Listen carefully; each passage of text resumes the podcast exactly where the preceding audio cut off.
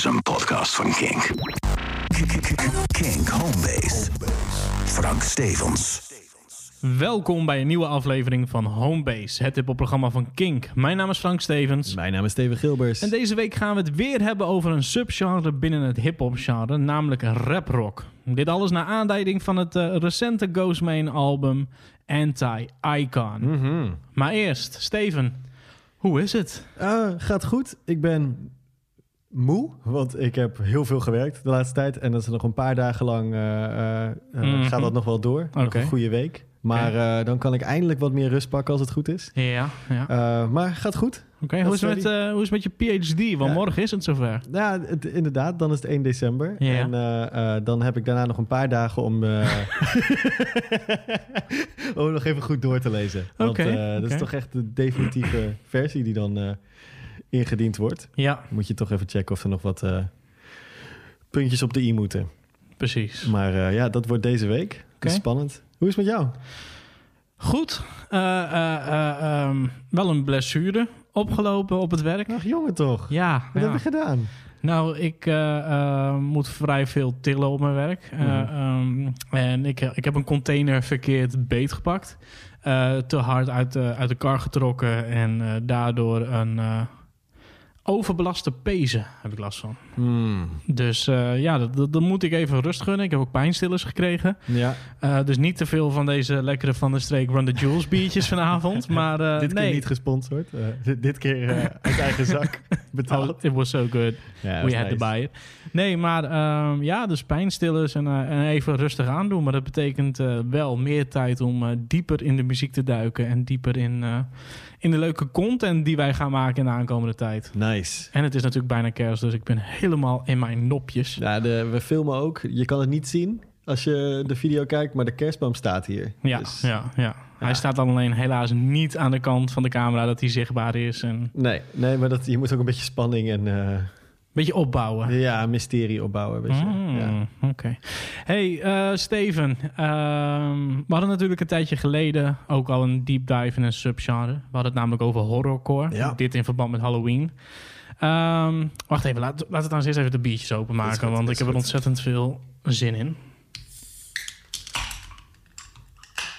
Yes. Ik wil trouwens nog eventjes... eh, oh, proost. Ik wil trouwens nog eventjes iedereen bedanken die mee heeft gedaan met, eh, met de Van der Streek eh, t-shirt giveaway. We hebben natuurlijk een t-shirt weggegeven van eh, Van der Streek en Run the Jewels. Heel veel toffe reacties gehad. echt veel reacties gehad op Facebook, op Instagram, in de inbox van mijn Kingmail. Ja. Dus ik wil eventjes ja, iedereen bedanken voor de toffe reacties. En de winnaars zijn ondertussen al bekendgemaakt. Dus ja, gefeliciteerd met, met, met de shirtjes die jullie kant op komen. Ja, wat hadden ze ook alweer... waar hadden ze om gevraagd?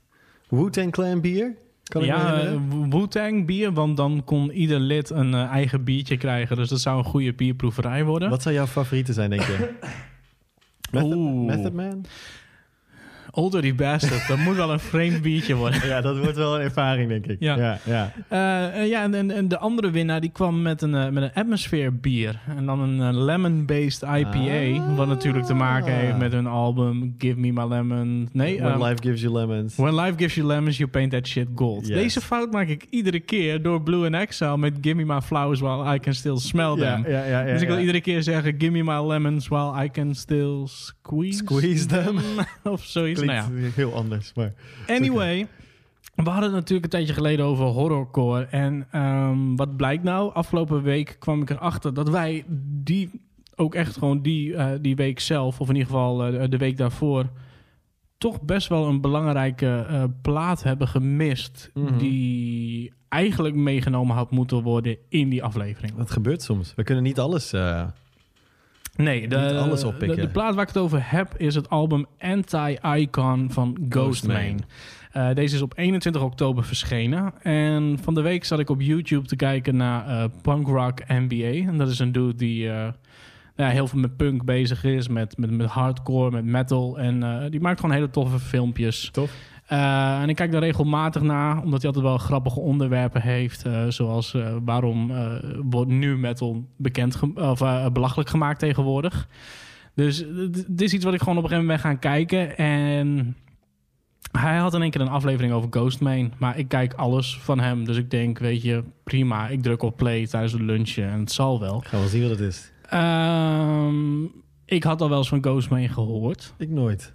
Helemaal gemist. Maar het was toch een beetje een trap-rapper. Waar ik niet zo heel groot fan Nou, van eh, ben. Hoe ik het begreep, niet, niet alleen trap, maar meer emo trap, toch? Een Ja, in emo trap. Hij zat in een, eh, hoekje zat hij. Ja, hij zat in de groep met Little Peep. Maar je hoort wel heel erg de, de, de, de Memphis uh, uh, Free Six Mafia Ja. sound Nou, erin dan terug. heb je jou natuurlijk wel al... Dan heb je al een link met jouw smaak. Ja, maar toch kon ik er nooit echt inkomen. Ik had altijd iets van, ja, oké, prima, dude kan wel rappen, maar het is wel heel veel 808's. En, en ik ben dan gewoon niet zo fan van die, van die, van die minimalistische trap sounds. Nee. Zoals Run the Jewels, die doet er altijd nog wel een soort extra laag overheen, waardoor ik dat altijd een soort van perfecte versie van trap vind. Ja.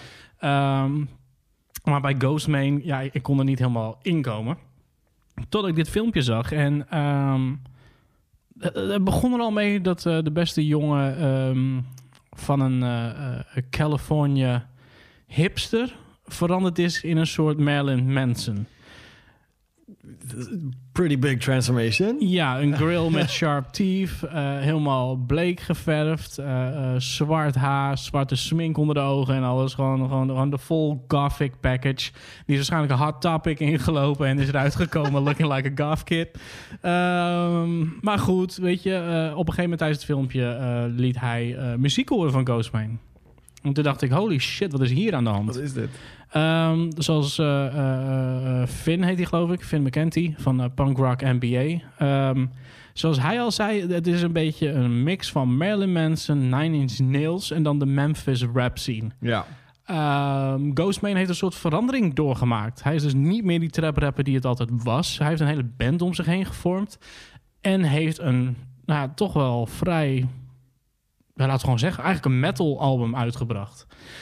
Ehm, een album wat ik dus na het filmpje op heb gezet. En toen dacht ik, holy shit, maar dit is lekker. En ik heb hem nog een keer opgezet. En nog een keer opgezet. En nog een keer opgezet. En toen dacht ik, ja, eigenlijk wil ik het hier wel over hebben in de volgende aflevering. Dus heb ik jou het toegestuurd. Van nou, luister eventjes de eerste vier tracks. Want je was volgens mij aan het werk. Het Ja. was laat in de avond, maar je was nog aan het werk. Ik zei, nou, pak even acht minuten voor jezelf, zei ik geloof ik. En luister dan de eerste vier tracks. Dan heb je een intro en drie complete nummers. Waarvan twee echt direct op elkaar En, overlopen. je zei, en eh, na die eh, acht minuten, bel mij dan even snel. eh, vertel me wat je ervan vond. Ja, uiteindelijk belde jij mij 40 minuten later na het luisteren van het complete album.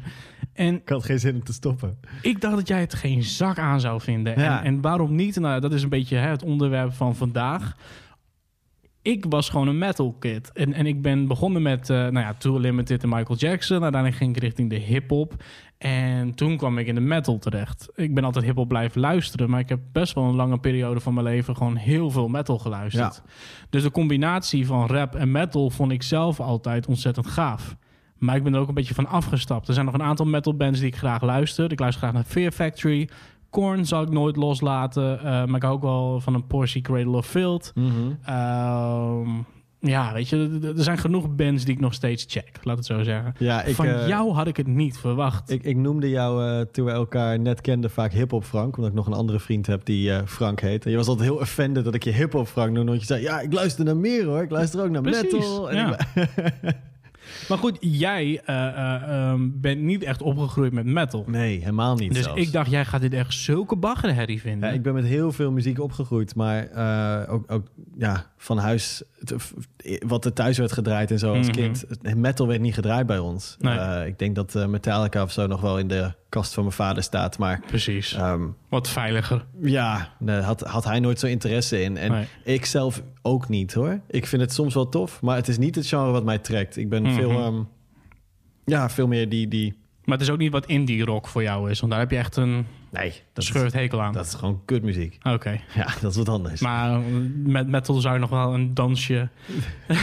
Met metal wil ik nog wel een keer een poging wagen. Oké, oké. maar goed, eh, je hebt het geluisterd. Je hebt het direct uitgeluisterd. En niet zonder reden, denk ik. Nee, maar dat, dat, deze plaat is... ehm, laat zich vrij moeilijk definiëren. Ja. En, want er zitten... ehm, ja, wil- willen we daar al in nu? Of ja, we, we, we hebben de hele inleiding gedaan. Het Ja. moment dat ik een album ontdek... wat eigenlijk al hè, ehm, een dik maand uit was. Ja, nou, ik hoor gewoon... Het eerste wat ik hoor... Ik ben wel heel erg fan van die 808's. Mhm. Eh, eh, zelfs ook die kale eh, arrangementen, zeg maar. Kan ik heel erg waarderen als het goed gedaan is. Ja. Ja, ik hoor echt hele rauwe 808's. Maar echt die goed gemixt waren ook. Echt in your Mhm. face. Ehm, Veel distortion op deze plaat. Veel distortion op de 808's, maar ook op de gitaren die erbij zitten. Eigenlijk, het voelt ehm, ja, heel erg distorted, maar op een warme manier. Eh, Ja, ja. Als je begrijpt wat ik bedoel. En daarnaast zitten zoveel verschillende invloeden qua eh, of het zang is, of het screaming is, of het rap is. En, en Ja. stukken waar eh, de soort van interludes op de plaat die. ehm, die me bijna doen denken aan een Elliott Smith of zo, wat gewoon Mhm. een singer-songwriter is. Of een. Ja, ik, het, het was heel moeilijk te plaatsen, maar ik, ik wilde blijven luisteren. Ik wilde niet halverwege even jou eh, bellen van, nou, ik vind het wel tof of wat dan ook. Nee, ik nee, maar door. dat, dat vind ik wel grappig dat je dat net zegt. Want ehm, wat mij heel erg aansprak... is dat deze jongen meerdere stemmen opzet. We hebben natuurlijk al wel vaker eh, in de Homebase podcast gehad... over dit soort muziek. En dan kwamen we toch vaak uit bij een Scarlord. Iemand die ik altijd wel kon waarderen. Ja. Eh Scarlord hebben we ook live gezien. En dan kwamen we erachter dat hij dit eigenlijk allemaal live niet waar kon maken. Hè? Nee. Op plaats schreeuwt hij veel en rapt hij. Dus het is een mix van rappen, schreeuwen en dan ook grunten. Eh, voor, de, voor de echte hip-hop heads die hier naar luisteren. Grunten is eigenlijk het. eh, het eh, ja, nu moet ik het eigenlijk al nagaan doen, of niet? Oh ja, heel graag. Nu ben ik eigenlijk de dupe. Ja. Een beetje. Dat is grunten, laten we zeggen. Dus dat wat hè, de meeste mensen niet aantrekkelijk vinden aan metal. Dat, dat deed Scarlord allemaal, maar live niet. Nee, live was dat allemaal op de band? Of de- Ja. ja. wat deed hij? Of liet hij het publiek Volgens mij was alles was op band. En hij liep gewoon alleen een beetje af en toe... one, Te springen en schreeuwen, ja. Dat was het enige wat idee. Maar goed, eh, als je dan dit album opzet van Ghostman... Deze gast doet alles. Wat je net al zei. Hij doet meerdere stemmen. En ik omschreef dat op een gegeven moment voor jou aan de telefoon als... Hij heeft zijn ehm, young swag kid stemmetje. Dus gewoon een beetje dat hij zijn... een beetje gewoon een beetje die flow doet. Maar zijn Mhm. stem is gewoon een beetje... Nou ja, op een, normale pitch, zoals ik hem net deed. Hij heeft een soort van rough boy voice, dus dat hij wat lager doet en een beetje alsof hij boos is, een beetje die shit. Ja. Maar hij heeft ook een soort Fred Durst, Limp Bizkit, super high pitch, weet je die shit dat je denkt van oké, maar het alle drie werken. Ja. Maar daarnaast zingt hij, fluistert hij, grunt hij, Ja, schreeuwt hij. fluisteren hij ook inderdaad. Alles. Komt het echt heel intiem binnen. Dat is een heel... Want het, zeg maar, als je fluistert is je stem natuurlijk veel zachter. Ja. Maar dat wordt dan compressed en gemixt en in de studio. En wat je dan krijgt is eigenlijk fluisteren op hetzelfde volume als je normaal praten hoort. En Precies. dat is een effect in muziek. Dat, dat, eh, dat geeft zoveel spanning mee. Mhm. Eh, want je hebt het gevoel alsof iemand gewoon in je oor zit Ja. te fluisteren. En dat is, ehm, nou ja, in, in de soort tracks die erop staan, wat best wel ruig is af en toe, is dat, eh, dat heeft een de- de enorme, uh, voegt echt iets toe aan de, aan de luisterervaring. Ja, en wat ook heel vet is aan het album trouwens, we gaan zo eventjes wat draaien natuurlijk. Ja. Uh, maar wat ook heel vet aan het album is en wat het ook lastig maakt om hier nu een paar tracks van te draaien, is dat het eigenlijk vrijwel allemaal heel goed op elkaar aansluit. Ja. Um, de eerste keer dat ik het luisterde was op de fiets. En ik had op een gegeven moment niet door welk nummer ik zat te luisteren. Want je hebt de intro. In de intro halverwege zit er eigenlijk al een soort track. Maar die weer perfect overloopt op de tweede track. Ja. Die weer perfect overloopt op de derde track. Want er is op een gegeven moment een soort breakdown. En dan gebeurt er iets. En dan denk je, oh, het is nog steeds hetzelfde nummer. Nee, dan zit je al in de volgende. Drie of vier zit je dan al. Ja, uh, dus toen ik afgelopen vrijdag met Tim belde, heb ik echt ervoor gekozen om een nummer op te zoeken wat ook echt een... een, een nummer was. Precies, wat Ja. je los kan luisteren. En ik denk dat dat ook een track is waar we nu eventjes mee gaan beginnen. Want dit is zo'n track waarvan je denkt... ja, het heeft dat typische industrial geluid. Het zou zo Nine Inch Nails kunnen zijn. Ja. En dan in één keer knalt het los in... ja, typische trap rap. Alleen dan met een, uh, met een, met een donker randje. Zijn we er klaar voor? Ik ben er klaar voor. Hier is Ghostman met Sacrilege.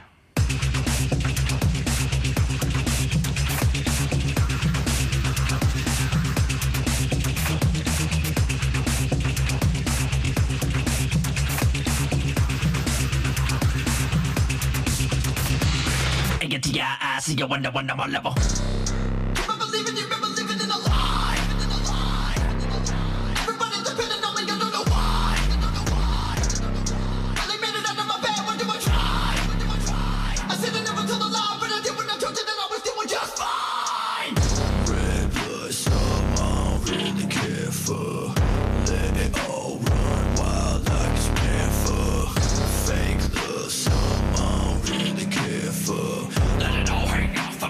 motherfucking ruin and overrated fabricated a.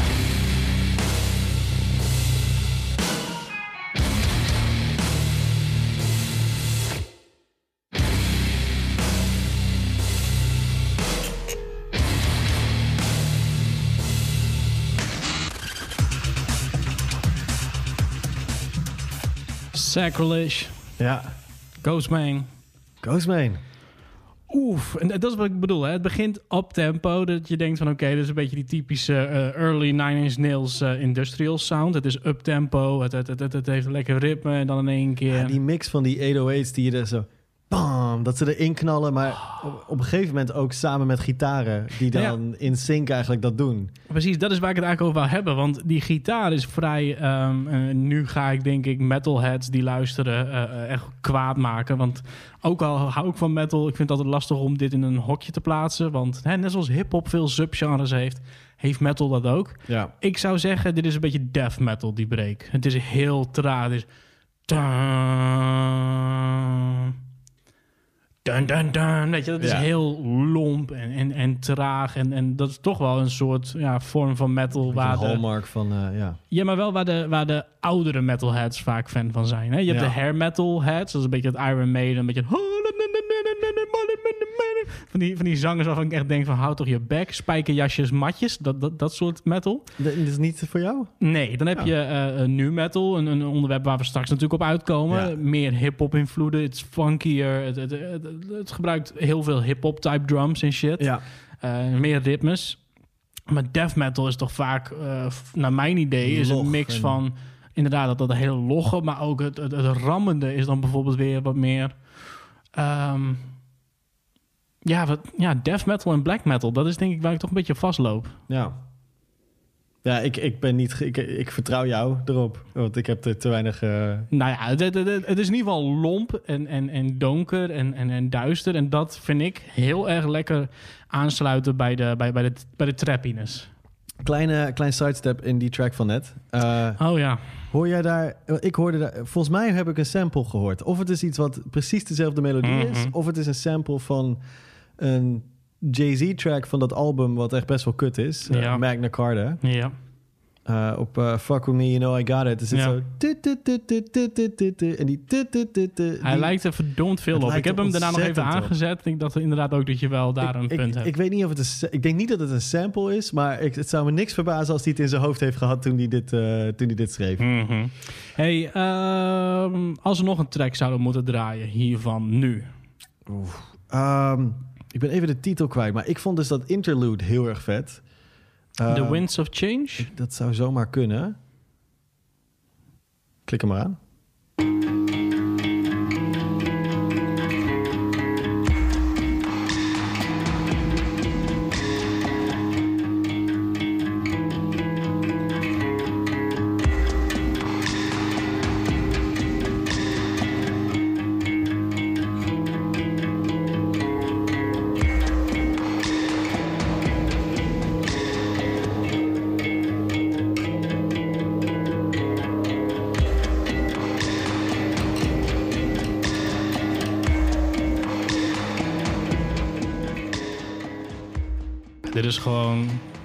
Heerlijk wegdroommuziek eigenlijk. maar dat is... Dit, dit moet je natuurlijk in de context zien van die keiharde distorted 808's en gitaren die je, die je vlak daarvoor hoort in, eh, in het album, op Ja. het album. En dan ineens zo'n rustmoment waarbij je heel veel muzikaliteit hoort, heel subtiel. En, Mhm.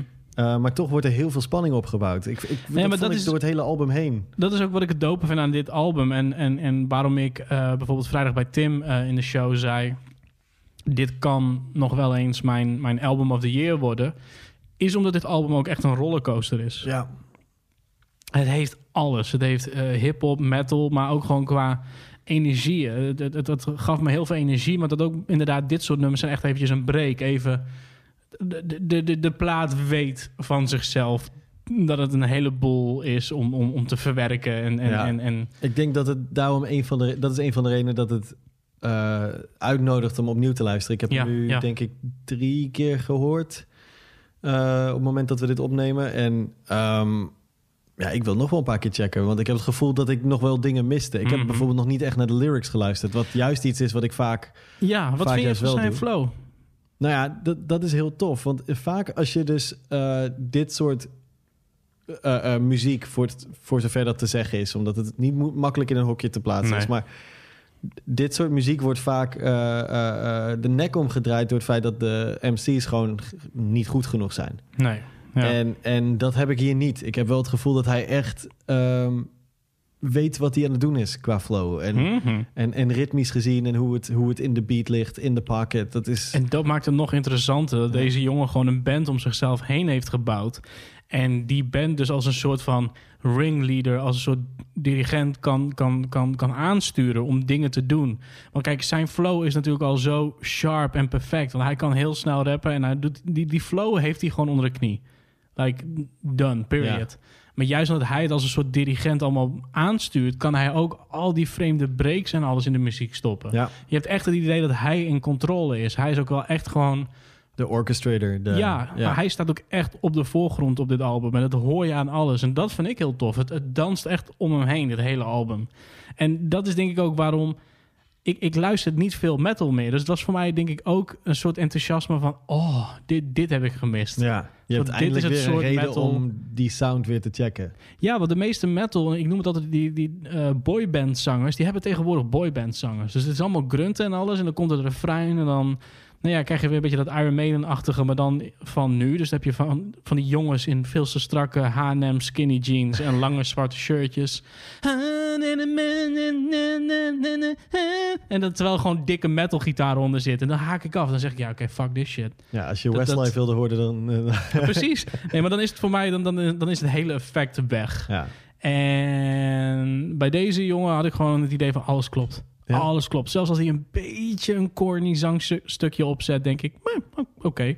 Het, het, het- het is een soort mix van nostalgie en daadwerkelijk onder de indruk zijn van dit album. ja, En ik weet dat wij bij Homebase vaak aandacht besteden aan eh, de wat meer boom bap sound of de wat meer neo soul sound. Maar alles heeft een plek hier. We behandelen alle soorten hip-hop wat maar interessant, anders en natuurlijk alternative is. En ik dacht, ja, dit past. ik, hier moet ik het over hebben. Voordat wij eh, eh, eh, deze discussie doortrekken naar rap, rock, in de Mhm. bredere zin...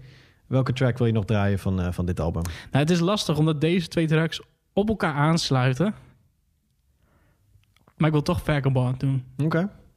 Ja? Ja, gooi hem erin. Hier is uh, Ghostman, Vagabond. All started when you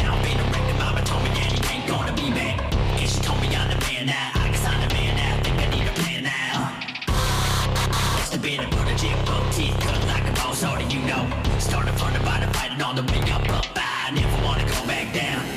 Update, I felt great. I'm a ministry, call my strength until I'm in a mistake. If only I could relate all the pain and the blue, all the things I wanted to be.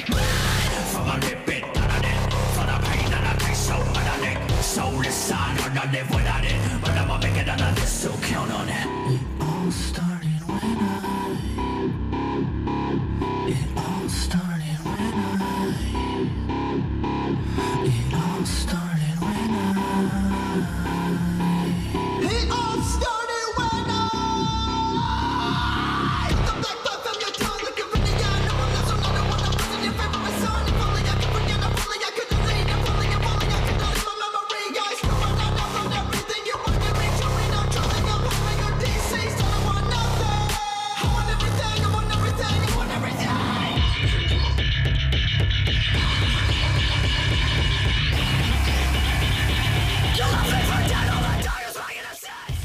en als je nou meer hiervan wil horen, terwijl eh, het tempo behoorlijk omhoog geschald wordt op deze track, eh, eh, ga het luisteren. Ik zou zeggen, als je van hip-hop houdt en, en, en, en van de wat meer experimentele vorm van hip-hop, hoe dan ook, wil ik je aanraden om dit te luisteren. Of je nou opgegroeid bent met metal of niet, of je misschien zelf nog luistert naar metal op dit moment.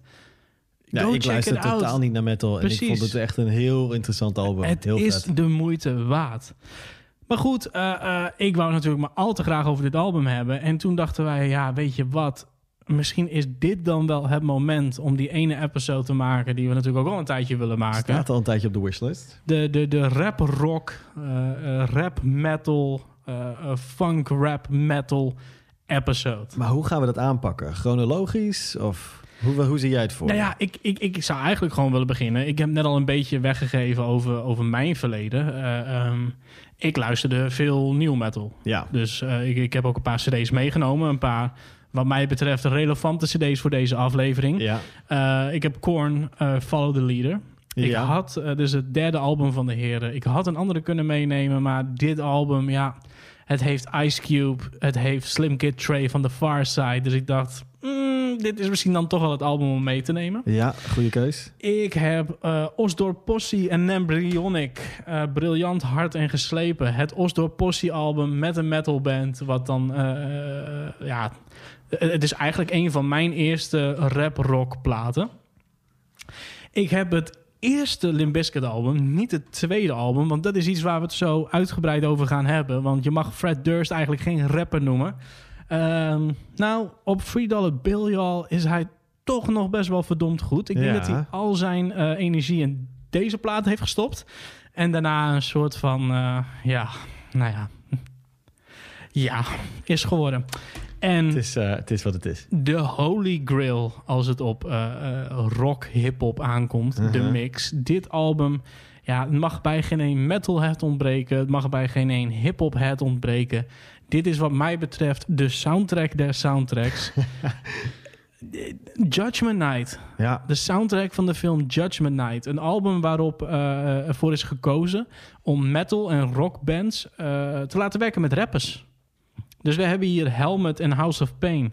We hebben Living Color en Run DMC. Ah. We hebben Biohazard en Onyx. Maar ja, ja wat, wat, wat, heb jij meegenomen? Laten we daar eh, eerst naartoe gaan. Nou, ik realiseer me net dat ik van mijn stapel eh, Hybrid Theory ben vergeten van Linkin Park. ja. Die, die ligt er hier ook ergens in huis. Maar eh, denk die er zelf maar bij. Niet in je cd-rek in ieder geval. nee, Ik ja, heb gekeken. ja, ik heb volgens mij dit CD-rek waar jij in keek, is waar ik alleen maar hip-hop, hip-hop in heb staan.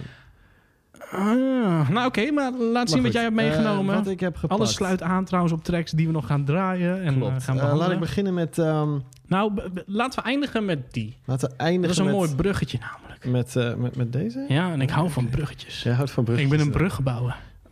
Wauw.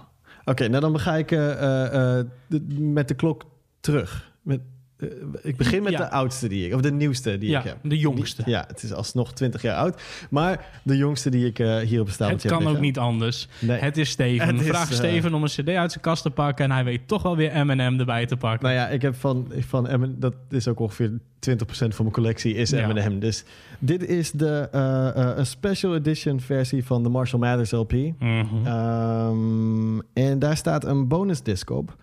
Met daar onder andere daarop een remix van The Way I Am. eh, Ja. Waar ook Marilyn Manson op staat. Mhm. Ehm, dus ja, als je het hebt over een mixed... Kijk, sowieso is The Way I Am natuurlijk al een track die... die en, en, en Eminem is een artiest die echt wel vaak met rock dealt. In zijn Ja. samples, in zijn producties. Ja. Eh, en af en toe ook met artiesten zoals eh, Marilyn Manson.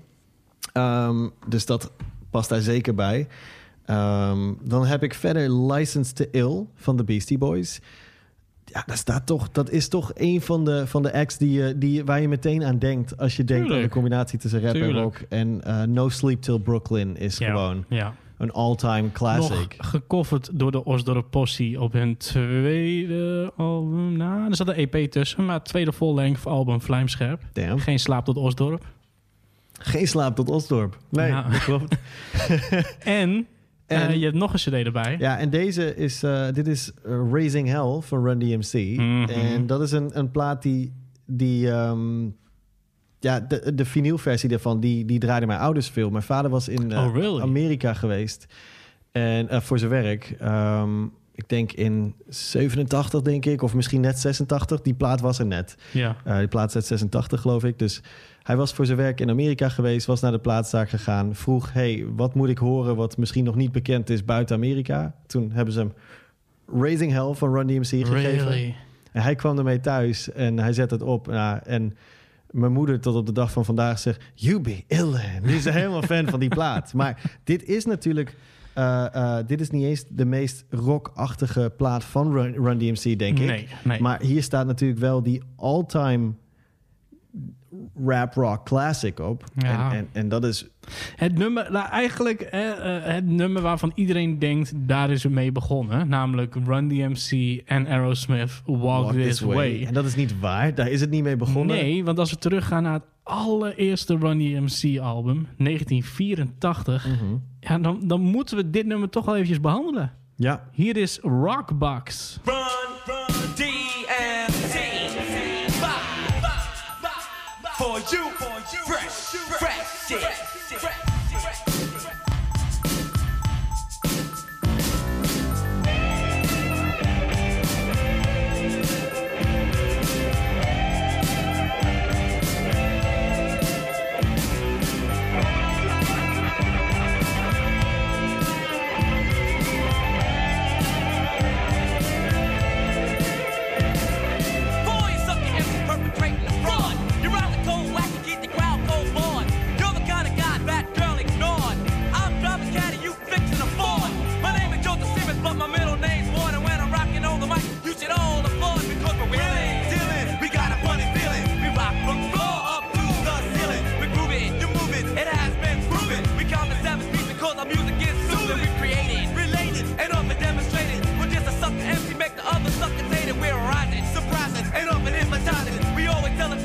We never slip no lies. No curls, no braids, easy heads still get paid. Jamaica cut the record up and down across fade. So.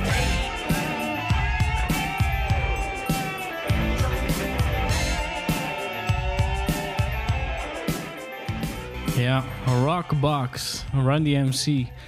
Eigenlijk de, de, de, de, de, de, een van de eerste echte combinaties van rock en, en, en hip-hop. Ja.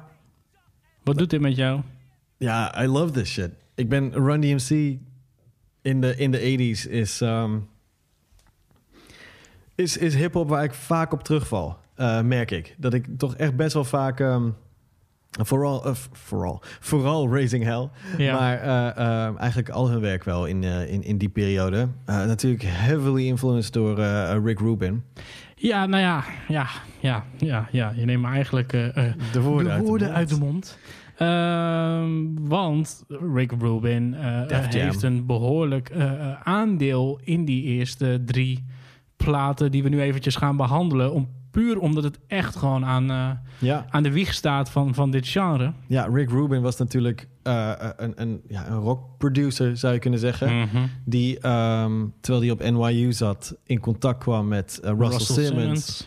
Russell Simmons, die samen met Rubin eh, eh, eh, Def Jam opzette. En ja. Ja. ja, een van de eerste acts die ze hadden was natuurlijk Run DMC, het neefje Mhm. van, van Russell Simmons. ja. Zeg ik neefje of broer? Broer. Rev Run Dus is de, broer. Ja, ja. Ja, Nee, hij heeft ook heel veel neefjes die ook nog wel eens wat hebben. Rev Run is de broer van Russell Simmons natuurlijk. En ehm, ja, the rest is history. Ja. En, en natuurlijk, we noemden het Beastie Boys. Eh, dat is- Ja, dat is waar ik eigenlijk nu naartoe wou. Eh, eh, eh, 1986. Ik bedoel, in de tussentijd, ook in 1984, hebben de Beastie Boys hun single Rock Hard uitgebracht. ja, De track heeft een sample van ACDC's Back in Black. ja. En LL Cool J bracht natuurlijk Rock the Bells uit. Wat ook Ja. gebruik maakt van, van een rock sample. 1985, volgens mij is King of Rock de plaat van Run DMC. Ja, Eh, nou ja, goed, de titel zegt het al. klopt. King of Rock. Maar in eh, 1986, als ik het goed heb, eh, eh, verschijnt daar een, eh, een, een, album van eh, drie jochies uit New York. Namelijk License to Ill, de Beastie Boys. Toch vaak gezien als het wat meer eh, eh, rockalbum van deze heren. Ja, Het is eigenlijk een heel vreemd album, want ze hebben echt rockplaten uitgebracht. Hiervoor waren ze natuurlijk eigenlijk een punkband. ja we hebben dat nog een, Ehm. een tijdje terug, afgelopen zomer geloof ik, een, ehm, Hebben de documentaire gekeken? een special daarover, eh, Ja. of een a- aandacht aan besteed in ieder geval. Ja. Ehm, ja, ze zijn begonnen als een punkband die Ja. op een gegeven moment eh, het, het soort hybride vorm van punk en rock en hip-hop ging maken. Ja. Eh, later zijn ze natuurlijk, hebben ze allerlei fases gehad met Paul's Boutique, waar het veel meer sample-based was en Mhm. veel minder rock-influenced.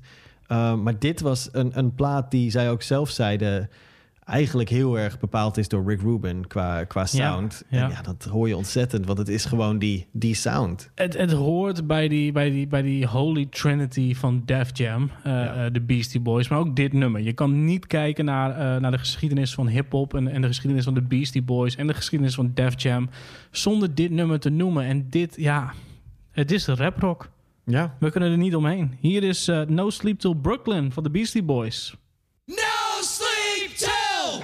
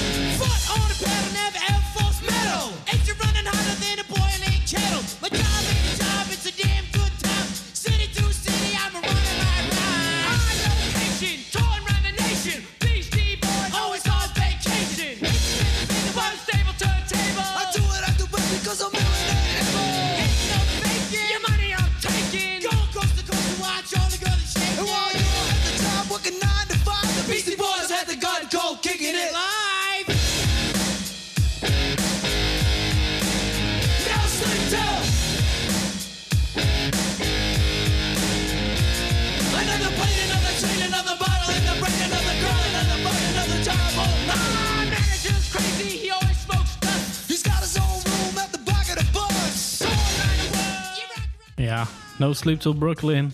ja het is one of my Beastie favorite Boys. Beastie Boys tracks. Ja? Ja, Ja? ja, Ja, we hadden ook natuurlijk Sabotage kunnen draaien. Ook best wel een bekend nummer. Met ook, best wel veel. een, eh, een, eh, heel veel rock-invloeden. Maar eh, ja, we, we zitten toch in de beginjaren. We denken, dit, dit is wel eventjes de volgorde die we moeten aanhouden. ja, ik wil dan nog even een zijstapje. Volgens mij 1982. Vind jij Blondie, vind je dat rock? Rapture, Blondie. Want dat is dan wel... Nou ja, dat is, dat is misschien wel een van de eerste tracks. Tuurlijk, maar we hebben het vandaag over de, de, de mix Ja. van, van, van, van hip-hop en metal. En, eh, of in ieder geval rock. Ehm, ik vind dat Blondie inderdaad wel genoemd moet worden. In ieder geval als we- genoemd. Hoeven als- niet te draaien, Als maar we noemen. Wikipedia eh, mogen geloven. One of the earliest examples of rapping in rock music is Year of the Guru by Eric Burden and the Animals. A psychedelic rock song in which Eric Burden, according to AllMusic, took the role of a modern rapper. Oké, Wikipedia. En dan heb je ook bijvoorbeeld eh, Iggy Pop en the Stooges, I Wanna Be Your Dog. Gewoon, weet je wel, van die nummers waarvan je denkt... nou, het is eigenlijk een soort van rappen wat is, ze eh, doen. Dus het, daarom dacht ik van laten we dat niet behandelen. Nee. Want het is een beetje een, een, een, een, nou, niet eens een what if. Het is gewoon puur gebaseerd op... Nou, het zou best kunnen dat dat al een eerste vorm van rap was.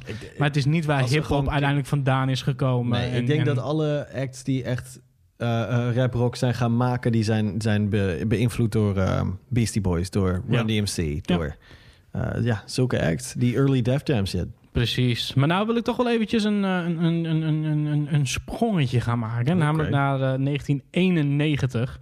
Ehm, puur omdat ik denk, we moeten eventjes deze Holy Trinity afsluiten. Dit, dit is natuurlijk een belangrijk trio als het gaat om Def Jam. Ook als het gaat om hip-hop. Ook als het gaat om New York hip-hop. Maar dit nummer, ja, weet je, kan je niet eh, eh, eh, skippen in deze hele lijst. Nou, in, rond 1991 zijn Public Enemy samen gaan werken met, ja, ik denk dat, dat ik dit trash metal moet noemen, de trash metal band Anthrax. Ja. Ehm, om een, een Bring the Noise remake de wereld in te slingeren. Ik denk dat we deze gewoon maar aan moeten gaan zetten, toch? ja, knal erin. Public Enemy en Anthrax, Bring the Noise.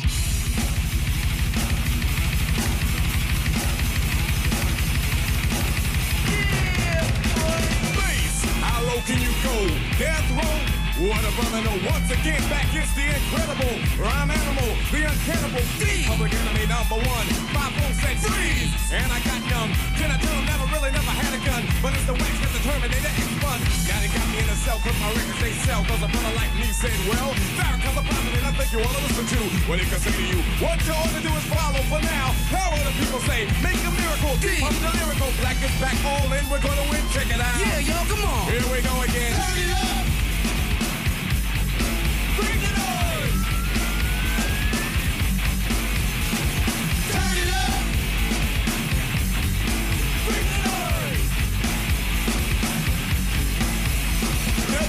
And back cause the brother is madder than mad at the fact is corrupt like a senator. Soul on the road, but you treat it like soap on a rope cause the beats and the lines are so dope. Listen for lessons I'm saying. Public Enemy. Anthrax. Ja. Bring the noise. Yes. Ja, man. Ja, Public Enemy moet je noemen. Je, je noemde het de Holy Trinity van Def Jam en dat is terecht. Ja, Maar, eh, of- of- maar we, waren laatst nog zo kritisch toen Public Enemy een nieuw album uitbracht. Ja, Met maar- daarop een nummer met eh, de overgebleven leden van de Beastie Boys en, En de Run overgebleven DMC. leden van Run DMC. Hadden ze niet moeten doen. En toen waren wij boos dat LL Cool J ontbrak. Want Ja. eigenlijk noemen we het een Holy Trinity, maar LL Cool J hoort daarbij. Wat is een Trinity met vier? Wat is dat? Een, eh The Four Horsemen. The Four van- Horsemen of Def Jam. Of Def Jam. nee, maar even wel belangrijk om te noemen. Wederom, eh, eh, Rick Rubin heeft met al deze acts gewerkt. Sterker nog, eh, in 1986, ik geloof namelijk dat het net zo oud is als dat ik ben, heeft Rick Rubin ook gewoon voor Slayer geproduceerd. Ja. Het eerste Slayer-album. of nee, het is officieel niet de eerste, geloof ik. Nou, in ieder geval, er is op, volgens mij is het ook echt op Def Jam uitgebracht. Op Def Jam eh, eh, eh, Slayer. Bizar. Rain in Blood. Ja, nou, Rick Rubin heeft natuurlijk Rick daarna... ehm, met, hij heeft ook nog Johnny Cash lopen produceren. En System of a Down komt van zijn hand. ja, hij had, een, hij had invloed op natuurlijk veel Jay-Z-werk. Eminem Red Hot Chili Peppers. Chili Peppers. Kanye heeft hij mee samengewerkt. Ook nog wel wat popsterren. Mhm. Die ik even niet voor de geest kan halen. Maar die heeft een vrij bizarre eh, discography. Ja. Qua, qua different genres. Maar de, de, de basis lag natuurlijk in die, die mix tussen rap en rock. Ja. En ja, Dan is kun je niet omheen. denk ik nu wel handig. Ook vooral omdat we net ervoor hebben gekozen om Bring the Noise te draaien. Ja. Eh, we zijn gewoon aangekomen in de jaren 90. En in deze tijd zijn er natuurlijk een aantal... eh, en nu gaan we een beetje eigenlijk vanuit de andere kant kijken. Er zijn namelijk heel veel rockbands... die toch soort van beïnvloed zijn door hiphop. Door hip-hop. Ja. Ehm, dat is een kant die mensen vaak eh, eigenlijk wel vergeten of zo. Als je naar dit genre kijkt. Je gaat toch een beetje uit van eh, eh, rappers die, met een band gaan werken. Ja. Een beetje het Run DMC-model. Van, van met Walk This Way, zeg Ja. maar. Dat je het gevoel hebt, oh, het zijn rappers, ze pakken er rock bij. Dat is wat het is. In plaats van dat het de andere kant op gaat. Precies. En, en het, het wordt lastig om nu in, in de tijdlijn te blijven. Eigenlijk hetzelfde als wat we toen ook met horrorcore hadden. Op een gegeven moment zijn wij aan en dan gaan we gewoon zoef, Ja. gaan we ratelen. Dan is het eh, Ehm, association game. Dus en, we eh, proberen het soort van in een tijdlijn te houden. Ehm, maar ik wil eventjes ehm, drie stukjes draaien van drie bands... die dus gebruik maakten van rap in hun muziek. Ja, Ja? ja. Laten we beginnen met een band eh, ja, waar ik echt mee ben opgegroeid. En dan ben ik heel... Ik ben, ik ben mijn ouders heel dankbaar. Ze hadden eerst een andere zanger... eh, eh, maar uiteindelijk kwamen ze in contact met Mike Patton. Wederom, hè, we hadden het over Ghostman, een man met vele stemmen. Dan kan je Mike Patton ook noemen. Deze man kan schreeuwen, zingen, rappen, rare geluidjes maken. Hij was, hij was, hij is natuurlijk de frontman van onder andere deze band. Een band die je niet kan skippen. Fate No More. We gaan luisteren naar misschien wel hun grootste hit. Maar dan ook wel echt een van mijn favoriete tracks van deze band. Hier is Epic.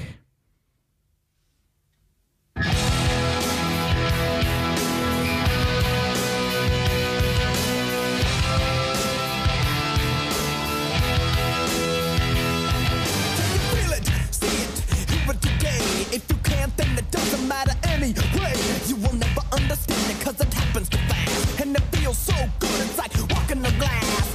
It's so good, so hip, it's alright. It's so groovy, it's out of sight. You can touch it, smell it, taste it so sweet. But it makes no difference cause it knocks you off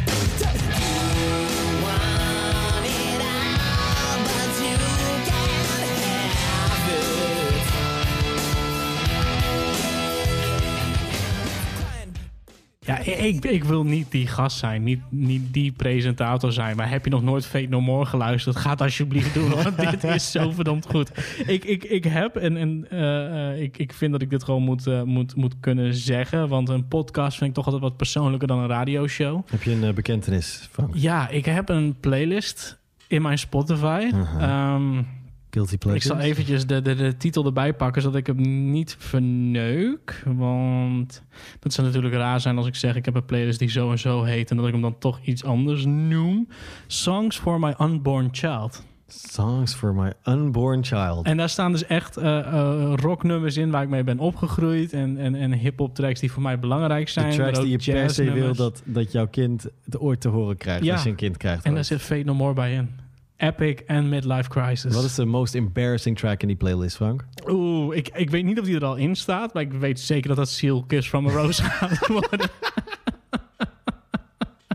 Even kijken, hij staat er nog niet in. Maar daar gaan we zeker voor Staat zorgen. niet op de kaart. Staat Nog niet. op de kaart. Ehm, we hebben even gekeken trouwens. Phenomore Epic 1989. Dus net op het randje. Eigenlijk maakten we even weer een stap terug. Maar dat, eh, dat maakt ons niet uit. Dat, dat, dat, kan gewoon hier. Ja, Eh, maar ja, je hoort duidelijk de rap-invloeden. Dat is eigenlijk het punt wat we willen maken. Eh, je kan er niet omheen dat hier al een beetje eh, eh, eh, geleend wordt van het genre. Ehm, voordat we een andere belangrijke groep gaan, eh, gaan behandelen... moeten we eigenlijk eerst eventjes in Nederland blijven. oké. Weet jij over welke band ik het wil gaan hebben? Ik begin met een U, denk ik. Ja, en dan? Urban. Ur- Ur- Urban. Eh, Dance Squad. ja, we hebben het natuurlijk over de Urban Dance Squad, inderdaad. Eh, het is eventjes een beetje lastig om het album hier te vinden. Ik weet niet zo heel goed welk jaar, dus dan moet ik er even weer bij gaan zoeken. Maar wat ik al zei, het is een soort van gefabriceerde tijdlijn. Het Die is eh, die turn, of doen. the, turn of the decade eh, rond de jaren 90. Het is in ieder geval belangrijk voor de volgende stap die we gaan maken. We gaan eventjes luisteren naar een eh, ja, Nederlandse funk, hip-hop, rockgroep. Urban Dance Squad. Hier is Good Grief. Rolling. Not a good cereal flakes, Mrs. McDonald. On one.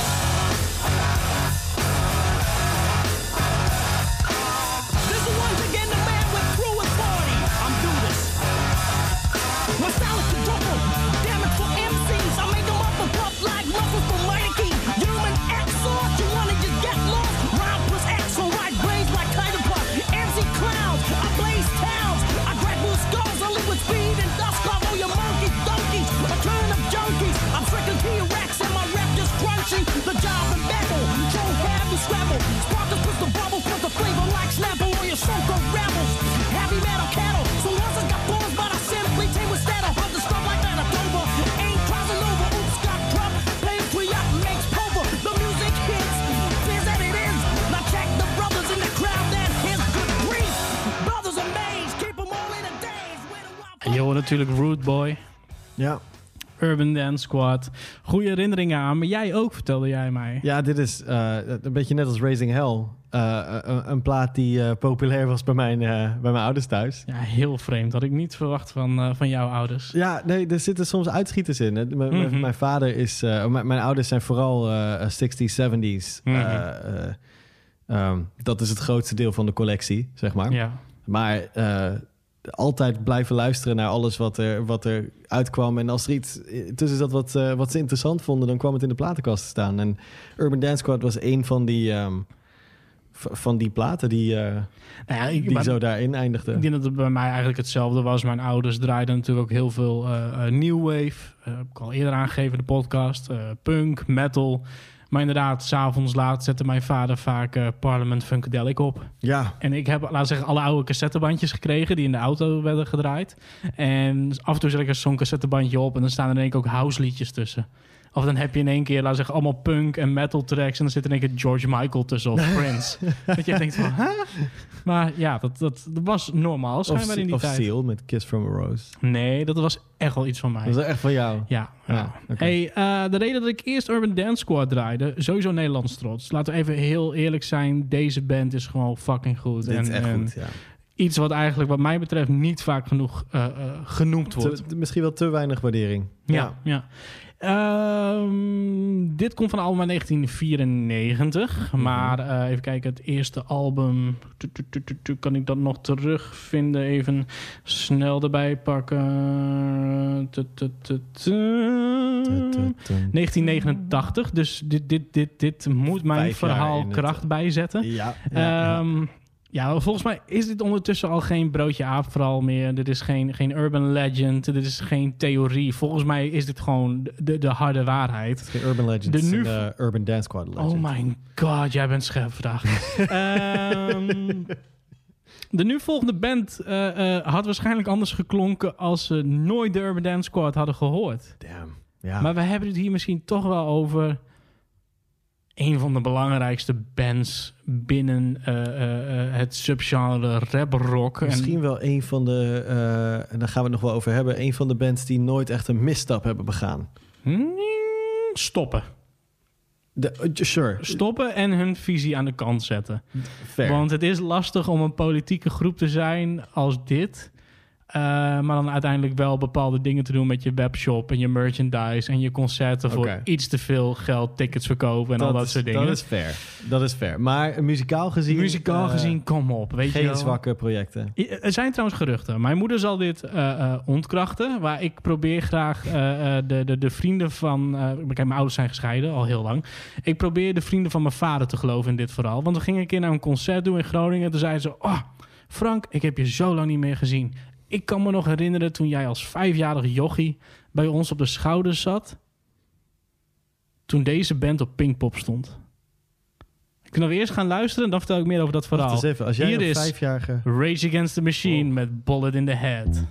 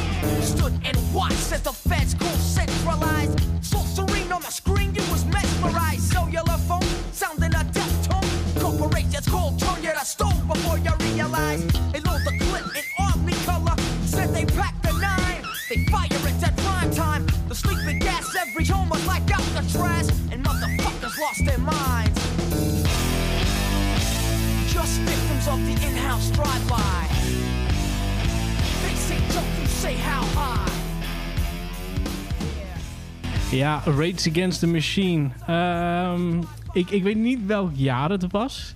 Dat zij op Pinkpop stond. Ik geloof na 1992. Dus dan zou ik... Nee, Pinkpop is voor jullie. Want het is Pinksteren. Dus dan ben jij... Ja, Dan was ik vijf op dat moment. in 92. In 92. Ja, nou dan hebben we elkaar net mis, misgelopen. Want eh, ik was op Pinkpop voordat ik geboren was. Maar toen mijn moeder al wel zwanger voor mij was in 91. Nou ja, laten we duidelijk zijn. Hè? Mijn moeder ontkent dit verhaal en zegt dat ik er niet bij was. Maar alle vrienden van mijn vader zeggen dat het wel zo was. Dus ik wil graag dat verhaal aanhouden. Want dan heb ik als vijfjarig jochie Raced Against the Machine op Pinkpop gezien. Dat is wel hard, ja. Is waarschijnlijk niet waar, maar goed. Het maakt niet uit. De waarheid mag een goed verhaal nooit in de weg staan. Inderdaad. Ja. Ehm Race Against the Machine. Bekend mee, naar geluisterd? Ja. Of, of, of is het ver van je bedshow? Nou, eh, zoals denk ik iedereen, Killing in the Name of was voor mij... Ja. ehm, die de, zo van, ja, dat een van de beste tracks die ik ken, denk ik. Die, dat is, Oh, gewoon period. Gewoon... Ja, dat in, in een, als je een, een lijst maakt met, eh nou weet ik veel, top 50 tracks of zo, dan Mhm. komt hij er wel in voor mij. Ja. En, ehm, want alles in die track klopt. Al die energie, alle die agressie. intro, hè? Gewoon... bam. De quotability ervan ook. Weet je, wel, zo van hoe vaak heb je in je leven wel niet... Dum, dum, dum, Fuck you, I won't do what you tell me. Ja. dum, ding, ding, ding, ding, ding, ding, Die cowbell. Ja, Ja, ik wou hem niet draaien, want ik dacht van we kunnen ook genoeg andere tracks draaien die misschien iets meer in de hip-hop zitten. Maar Ja, Race Against the Machine. eh, eh, we, we gaan het er zo nog over hebben. Zo van, wat zijn dan uiteindelijk echt de betere eh, bands? Eh, maar ik, ik denk dat we dan nu al aankomen op het punt eh, eh, eh, waar ik ontzettend veel zin in heb. 1993, het jaar dat, eh, dat er een film verscheen, Judgment Night. En, en er was een, een, een, een, beste man, de, de, de producer van de soundtrack. Ja. Ehm, tenminste, ik, ik, volgens mij was het de producer. Ik weet niet meer helemaal hoe het zit. In ieder geval de manager van Cypress Hill en House of Pain, Happy Walters.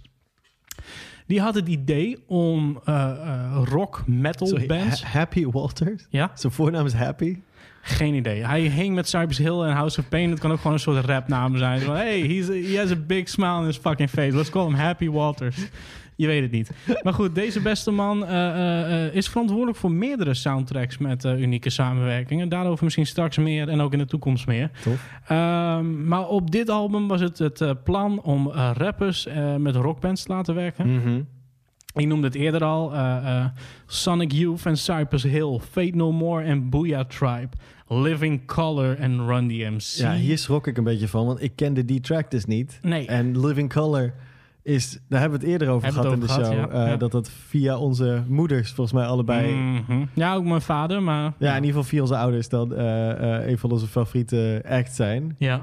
En, en Run DMC was dat al voor mij. En toch wist ik niet van het bestaan van dit nummer. Dat is echt wel even... Dus, ja, wij leren ook via Homebase van elkaar dingen kennen die Ja. we nog misten. Dus ja, Slayer en Ice-T.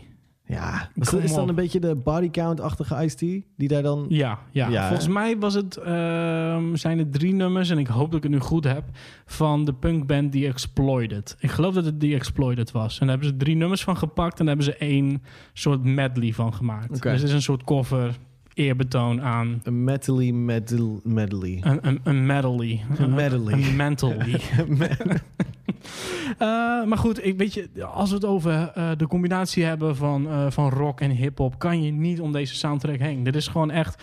eh, wat had er gezegd? De film was matig. De soundtrack is classic. ja. Ehm, Heb je nog een voorbeeld daarvan? Ik heb sowieso een hele. eh, eh, oh ja, eh, Spawn. Ja. De film was matig, maar de soundtrack is De amazing. hackers. Dat is trouwens wederom een Happy Walters soundtrack. Want daarop koos hij ervoor om metal en rockbands met eh, elektronische muzikanten te laten werken. Hey, techno of... Techno, drum and bass, jungle. Dus daar was het echt een soort rave metal party. Vet.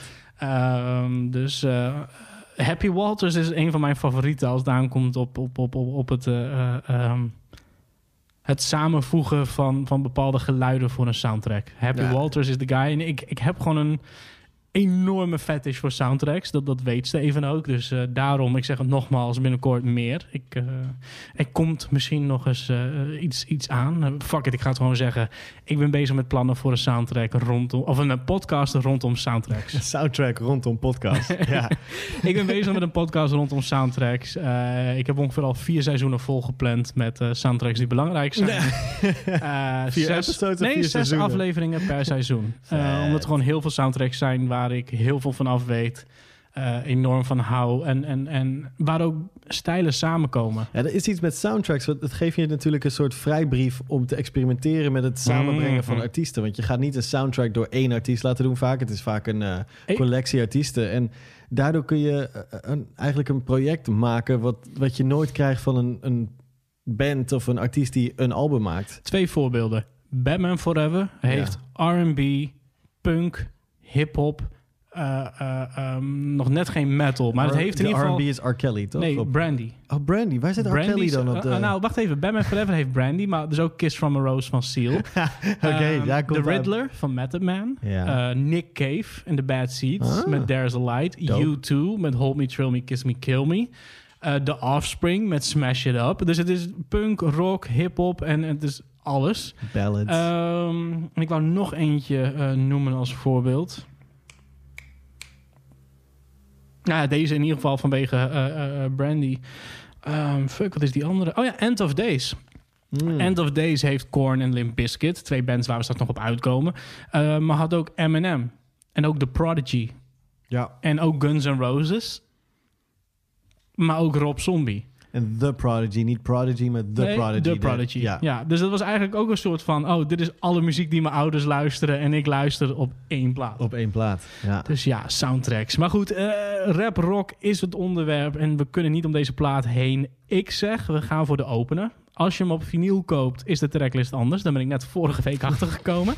Eh, maar ik had hem al op cassettebandje, ik had hem al op cd... en ik kan je garanderen, op de cd-versie... het begint er met dit nummer. En eh, ja, het kan niet anders. Hier zijn Helmet en House of Pain... met Just Another Victim.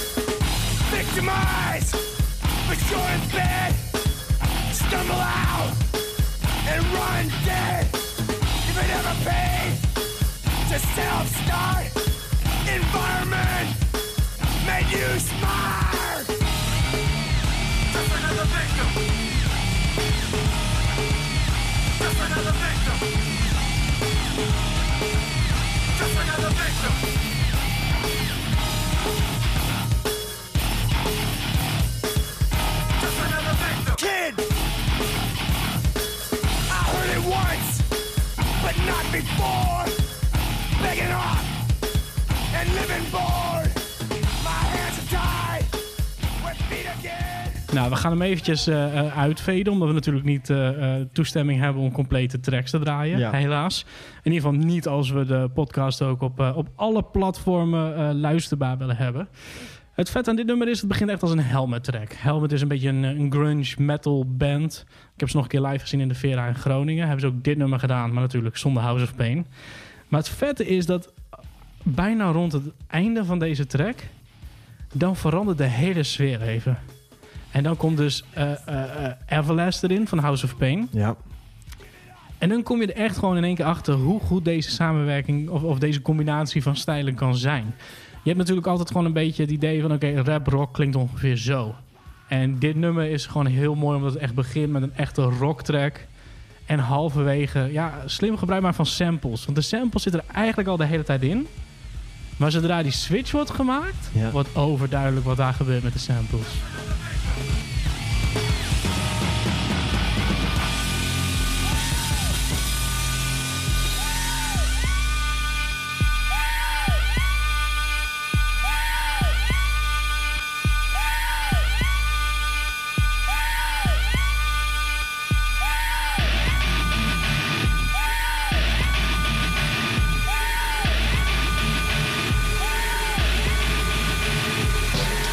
played yourself, now you're pointing fingers. How I robbed and raped you, bruised and scraped you. But those are just lies, cause in your eyes you've been victimized. That's how you size it up. You disguise it up and try to make it look real. Nou ja, Everlast dus, van, eh van House of Pain. Die natuurlijk uiteindelijk zelf een, eh, eh, nou ja, hij zegt zelf blueszanger is geworden. Maar je kan het ook een beetje een, een country zanger noemen. Hij is, eh, hij is in ieder geval heel andere muziek gaan maken. Hij heeft de akoestische gitaar opgepakt. Chant natuurlijk nog heel vaak met het, eh, met het hip-hop genre. Maar eh, ja, hij is toch wel wat rustiger eh, geworden. Ja. Ja, wat, wat, wat, wat, vind jij ervan als je dit zo hoort? Denk je, ah, it makes sense. Als je kijkt naar de tijdlijn so far. We beginnen met die 80s hip-hop met al een beetje de rock-invloeden. Dan gaan we naar rockbands die gebruik maken van de funkiness van hip-hop en, en funk. De. Eh, Ja.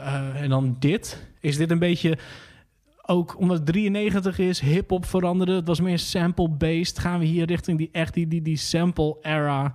Eh, waarin het, het, het samplen echt een soort van verheven werd tot een kunstvorm. Eh, Ja, dat. En ik denk ook als ik hier naar luister dat ehm, als je in de 80s kijkt naar bijvoorbeeld Run DMC, hoe, hoe goed ik dat ook vind, Mhm. voelt het altijd een beetje als: kijk, we hebben een 808 drumcomputer en we leggen daar gitaren onder. Ja, Het is echt zo, ja. zo heel duidelijk zo van: we pakken het meest iconische onderdeel van, van wat hip-hop op dit moment is. Ja. Die, die ja, geprogrammeerde drums uit een TR-808. En, en we pakken gitaren of zo, weet je. En dat mixen we Ja. en het werkt fantastisch. Maar Ja. het voelt wel echt als... Het voelt niet als één genre. Het voelt als een crossover tussen rap en rock. En ik denk dat je in deze periode... als je naar dit soort dingen, zoals bijvoorbeeld op die, eh, op die soundtrack eh, eh, luistert... voelt het natuurlijker. Alsof het eh, ehm, niet op elkaar gelegd is, maar geïntegreerd is. Alsof het een... En ik denk dat dat een soort van ontwikkeling is die je vervolgens heel erg ziet... eh, als we ook verder in de jaren 90 gaan en de early 2000s bereiken en dergelijke. Ja. Maar ehm, ja, wat jij zegt, die samples die, die eh, eh, een rol gaan spelen meer. En, en gewoon het gevoel dat het een genre wordt in plaats van een crossover, een combinatie van twee genres. Ja. Hey, ondertussen gebeurde er natuurlijk ook van alles in Europa. In Zweden had je Clawfinger, maar in de UK had je Sensor. Eh dit waren eigenlijk een beetje een soort van ja, Greenpeace-luidjes. Ze waren heel erg bezig met het milieu. Hadden ook een, eh, een, eh, nou, toch wel een, een hitje te pakken met Switch. Eh, Switch ging voornamelijk over recyclen, als ik het goed heb. Zo van, yo, je moet anders omgaan met de wereld. En, en nou, gewoon positive shit. Ja. Maar dat was vooral een hip-hop track. Dus ik dacht, ja, ik wil eigenlijk wel even een track van Sense draaien. Want Sense was een rapper, een zangeres en een band. Maar het maakte ook heel veel gebruik van eh, een beetje ambience muziek. En een beetje house zit er ook in. Maar toch voornamelijk hip-hop en, en rock op de voorgrond. Dus eh, ik wou ook eventjes gewoon. We hadden net natuurlijk al de Urban Dance Squad vanuit Nederland. Ik wil toch ook eventjes Europa. Europa representen. Representen van hey, het is niet allemaal Amerika, hier gebeurde ook wat. Dus eh, we gaan luisteren naar een track van het album Stacked Up van Sense. Hier is What's Going On.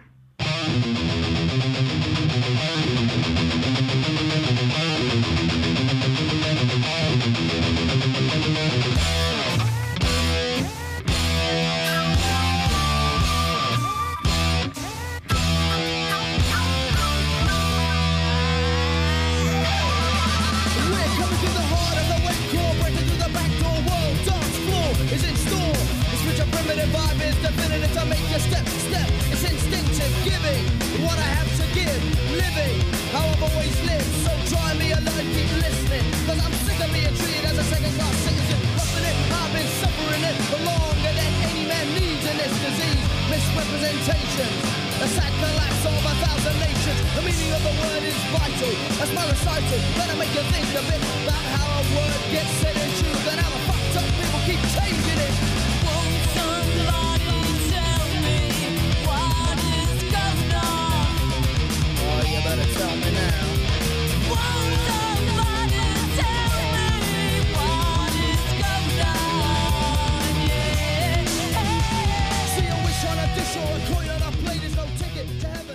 Sensor, What's Going On, 1994.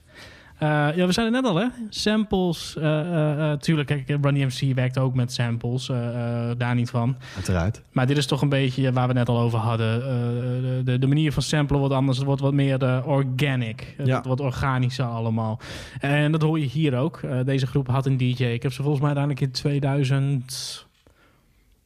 2011 of zo Breda Barst gezien. Oh. Dus eh, in Breda in een klein eh, vrachtwagen. Zo'n open vrachtwagen, weet je wel. Eh, daar heb ik ze gezien. Dat vond ik heel tof. Want ik was ermee opgegroeid. En ik was eventjes bij mijn moeder. Die woont in Breda. En haar man was ik dus op visite. Ik zei, ja, ik moet vanavond weg. Want Sensor staat in Breda. Ah, ontzettend tof. Gratis gezien. Ik bedoel, ik ken die band door mijn moeder en door mijn vader en mijn moeder. En dan... Tof dat je die kans nog krijgt dan in... eh, wat is het? Ja, maar dat heb je vaak niet. Ik Nee. bedoel, jij hebt Living Color nog live gezien. Ik niet. Klopt. Tenzij ik ook misschien vroeger als kind bij mijn ouders op de nek zat. Misschien. op Pinkpop bij Living Color. Ja, maar nee, want dat is uit 1991, volgens mij. Want die heb ik dus in, in, in, de, in the womb gezien. Oh, wauw. Ja. Ehm, ja, kijk, wat is dan een volgende goede stap? Ik, ik, ik wil eigenlijk zeggen, dit was 94. Er zal waarschijnlijk heel veel belangrijk zijn gebeurd in 1995. Maar we willen ook een beetje hè, vaart in de Beetje podcast houden. Voordat het weer zo'n drie uur durende aflevering wordt. Wat We- mensen toch al een beetje gewend zijn van ons. Hebben we een beetje een handje van, hè? Maar, maar we houden gewoon te veel van dit soort dingen doen. Als het aan ons ligt, doen we gewoon 24 uur livestream... met alleen maar door nummers heen gaan. Misschien ooit. Diggen in de... Oh ja, maar dan ook echt met mijn platenkast erbij. Ja, Dat we dus ook echt kunnen doen wat wij vaak doen. Zo, ja, dit Diana Ross sampletje komt hier weer op. nou gaan we ja, puur gewoon... eh, ja, goed. Anyway, sidestep. Back to the sidestep, topic. back to the topic. Eh, we blijven nog even in Europa. Sterker nog, we gaan weer even naar Nederland. Eh, een groep die best wel een goede eh, relatie had met de Urban Dance Squad. Namelijk de Osdorp Possie besloot in 1996 de samenwerking aan te gaan met metalband Embryonic.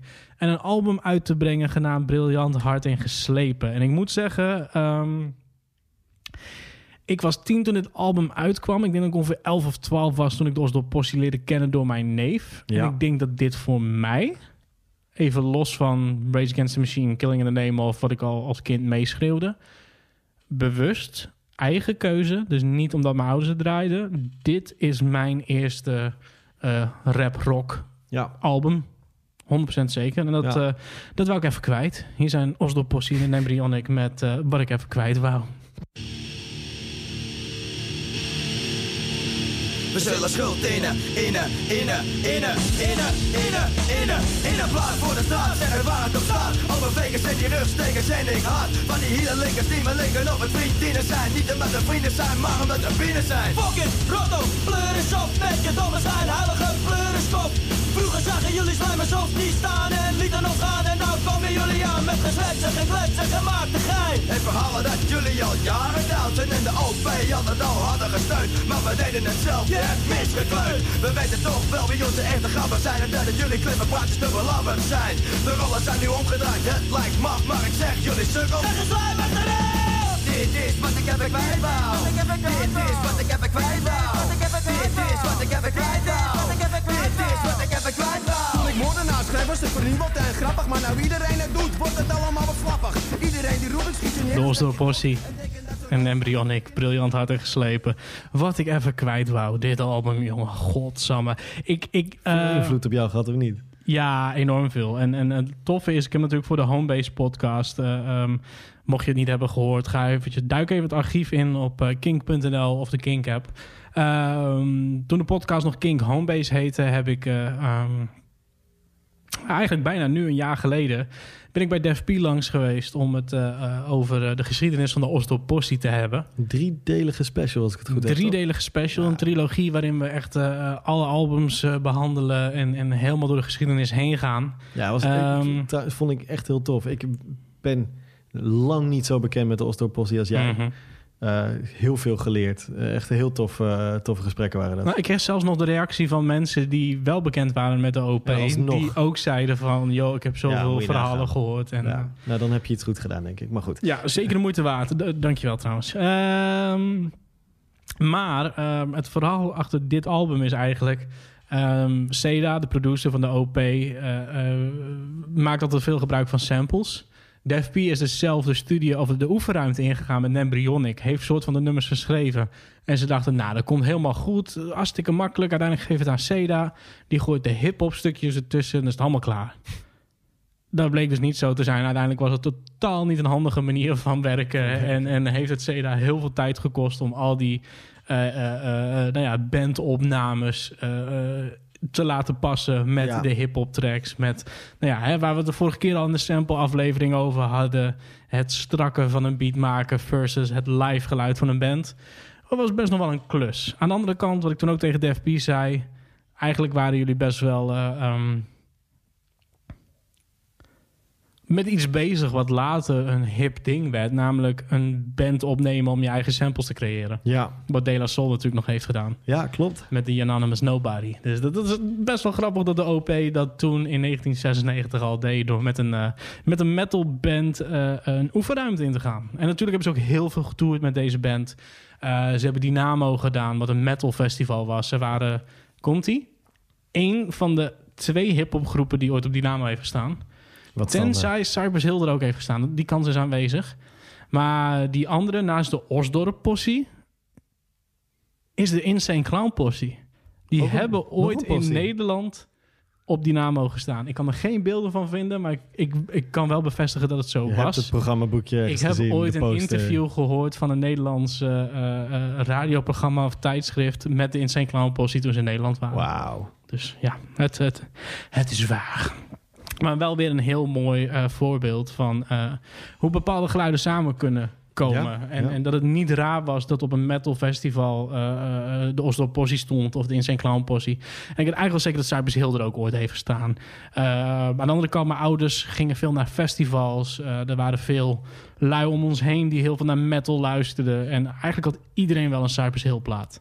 Ja. Ik weet niet of dat met blowen te maken had. Dat ze allemaal ook blowden en dachten, nou, dat vind ik nog wel prima hip-hop. Maar ik weet zeker dat als je nu bij een echte metalhead in zijn kast kijkt, dat er ook nog wel een Hill cd'tje Ja, tussen toch wel. Ja. Maar goed, daar komen we straks op uit. Want we hebben gekozen voor een wat eh, latere eh, eh, fase van, van deze groep. We gaan het eigenlijk hebben over een van de meest gehate groepen in de wereld. Nee, niet in zijn Clown Ik wou net zeggen, daar hebben we het al over gehad. Eh, we gaan het hebben over die andere flink gehate eh, eh, band. Namelijk Limp Bizkit. Ah, Fred Durst kan niet rappen. Die gast met zijn rode petje. Ehm, commerciële troep. Keep rolling, rolling, rolling, rolling. Maar voor dat alles, voor eh, eh, Chocolate Starfish in de hot dog flavored water met eh, features van in ieder geval Exhibit en DMX. Ja. Ehm, voor Significant Other met natuurlijk die bekende track met eh eh, Method Man. Geproduceerd door DJ Premier trouwens. Oh ja, En tuurlijk. Together Now. Ja. Ehm, het eerste Limp Bizkit album. Het was eigenlijk een band. eh, eh, ze hadden toen nog geen DJ. Nou ja, wel op dit album hadden ze de DJ wel. Maar hè, toen ze net begonnen hadden ze nog geen DJ. We hadden het er net al over. House of Pain. De DJ van Limp Bizkit is DJ Lethal. Wat natuurlijk altijd de DJ van House of Pain was. Ja. Hoe hij bij Limp Bizkit terechtgekomen is, sorry, ik weet het niet. Ik, heb het ooit wel eens een keer gezien in een YouTube-filmpje, maar ook wij weten niet alles. Eh, eh, de, dit, deze, deze little tidbit of information kan ik niet aangeven. Ehm Little tidbit, dat klinkt als een emo-rapper die... eh, little tidbit. Oh mijn god, laat alsjeblieft een track opnemen als little tidbit. Ehm, maar we gaan luisteren naar een track van het, eh, van het eerste album. Of ik, tenminste, ik wil even een stukje draaien van een nummer van het eerste album. Want iedereen kent Nookie. Iedereen kent Break Stuff. Iedereen kent Rollin', Rollin', Rollin'. En, en, en My Generation. Dat zijn allemaal een beetje de grote hits. En dat is natuurlijk wel de muziek waar ik toen die tijd naar luisterde. Uh, ja, ik was echt een mega Limp Bizkit fan. Like, I'm not gonna lie about that shit. Uh, enorm. Maar ik wil even een track draaien van het eerste album. Omdat je hier namelijk meer hoort van... Ehm, en ik heb het idee dat Fred Durst na dit album uitgeschreven was. Dus hij heeft dit album geschreven. Dus van oké, dit wil ik zeggen. Hij had hier wat te Ah. zeggen. Uitgeschreven als in, hij had daarna geen materiaal meer. Hij had alles geschreven Nou, wat hij hij... werd bekend. Ze werden bekend natuurlijk. En vooral rond de tweede plaat. Dus de tweede plaat heeft nog een beetje van beide. Maar ik heb het idee dat de tweede plaat, Significant Other, al een beetje last heeft van het Tyler, the Creator syndroom. Eh, wat Tyler, the Creator had op, op vooral op Wolf. Namelijk, oh, ik ben nu bekend. En ik vind het kut dat ik bekend ben. En dat randje. Ja. Wat nu soort van tof is, maar in de Limp Bizkit tijd, nou ja, voor de hele groep mensen tof en voor de hele groep mensen ook gewoon kut was. Ehm, maar ik, ik heb het idee dat op Free Dollar Bill, joh, dat is het album waar we het over hebben, eh, eh, Fred nog echt wat te zeggen had. Dus ik, ik heb hiervoor gekozen, want ik denk, dit is de betere rapper in Fred Durst. We gaan luisteren Op naar zijn het, hoogtepunt. Ja, we gaan luisteren naar het vierde nummer van dit album, namelijk het nummer Stuck. Hier is Limp Bizkit.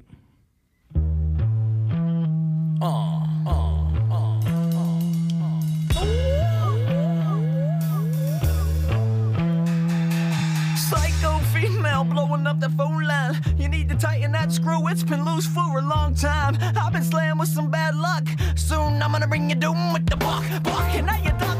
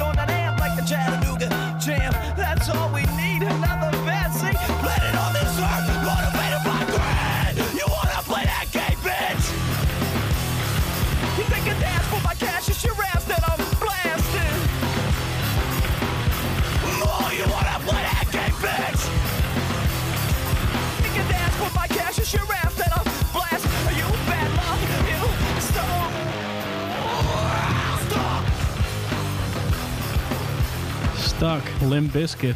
I- I- jij bent natuurlijk bekend met de latere Limp Bizkit. De Nookie Break Stuff, Limp Bizkit. Als je dit hoort, denk je... Nou, dat was toch wel een potje harder dan ik me kan herinneren. Ja. Kort antwoord, ja. Dat is, Ja, hè? ja, ik ken vooral die... die ik ben vooral bekend met die periode uh, Limp Bizkit... dat ze Wel de Rollin' Rollin'. eh, voor lul werden gezet door Eminem en zo Mhm. natuurlijk. Ja, een beetje Chocolate Starfish. Dat is era. toch, eh, wat is het, drie jaar later dan dit geloof ik? Dat dat... eh, Nou ja, iets later. Maar ja, ja voor mij volgens mij wel inderdaad. Ja, dat die beefens ook kwam met... eh, Ja, Limp Bizkit heeft trouwens best wel eh, flink doorgeramd hoor. Ik bedoel, ze zijn toen een beetje bekend geworden en hebben wel vrij veel platen daarna direct, eh ook direct Behind. Blue Eyes gecover, gecoverd op een gegeven Ja, moment. Behind Blue Eyes van de, Ja. ja. van de Who. Eh, even kijken, dit album. Je hebt gelijk, 2000 kwam eh, Chocolate Starfish uit. Dus Ja. hierna kwam Significant Other, 1999. 2000, Chocolate Starfish. Ja, nou, ja, en dat is die tijd dat, eh, eh, dat het verval een beetje inzette, denk ik. Ja, maar Ja. ook het eh, ehm, verval van nu metal. Want dat is misschien wel even handig. Eh, We komen nu natuurlijk bij Limp Bizkit aan. Dit is de era van de new metal. New metal is ook een beetje een genre wat veel wordt uitgelachen, ook eh, binnen de metal community. Wat is dat? Waarom maar is dat? wat Weet jij dat? nu in één keer weer populair is door alle trap rappers van tegenwoordig. Dus Die hier een komen we een vergelijkbare beetje... sound pakken, ja. Precies. En Ghostman eh, eh, eh, haalt wel heel veel bij nu metal weg. Kijk, nu metal was eigenlijk gewoon het nadeel is het werd populair. Ja, Dus, dat is ehm, vaak de doodsteek voor, voor een genre als het in de Ja. underground opkwam. Ik ben gewoon heel eerlijk, wat mij betreft eh, eh, ehm, is nu metal en ik heb eh, vrij veel onderzoek hierna gedaan. Ik luister vrij veel podcastjes die over nu metal gaan, omdat het toch wel een groot onderdeel van mijn jeugd is.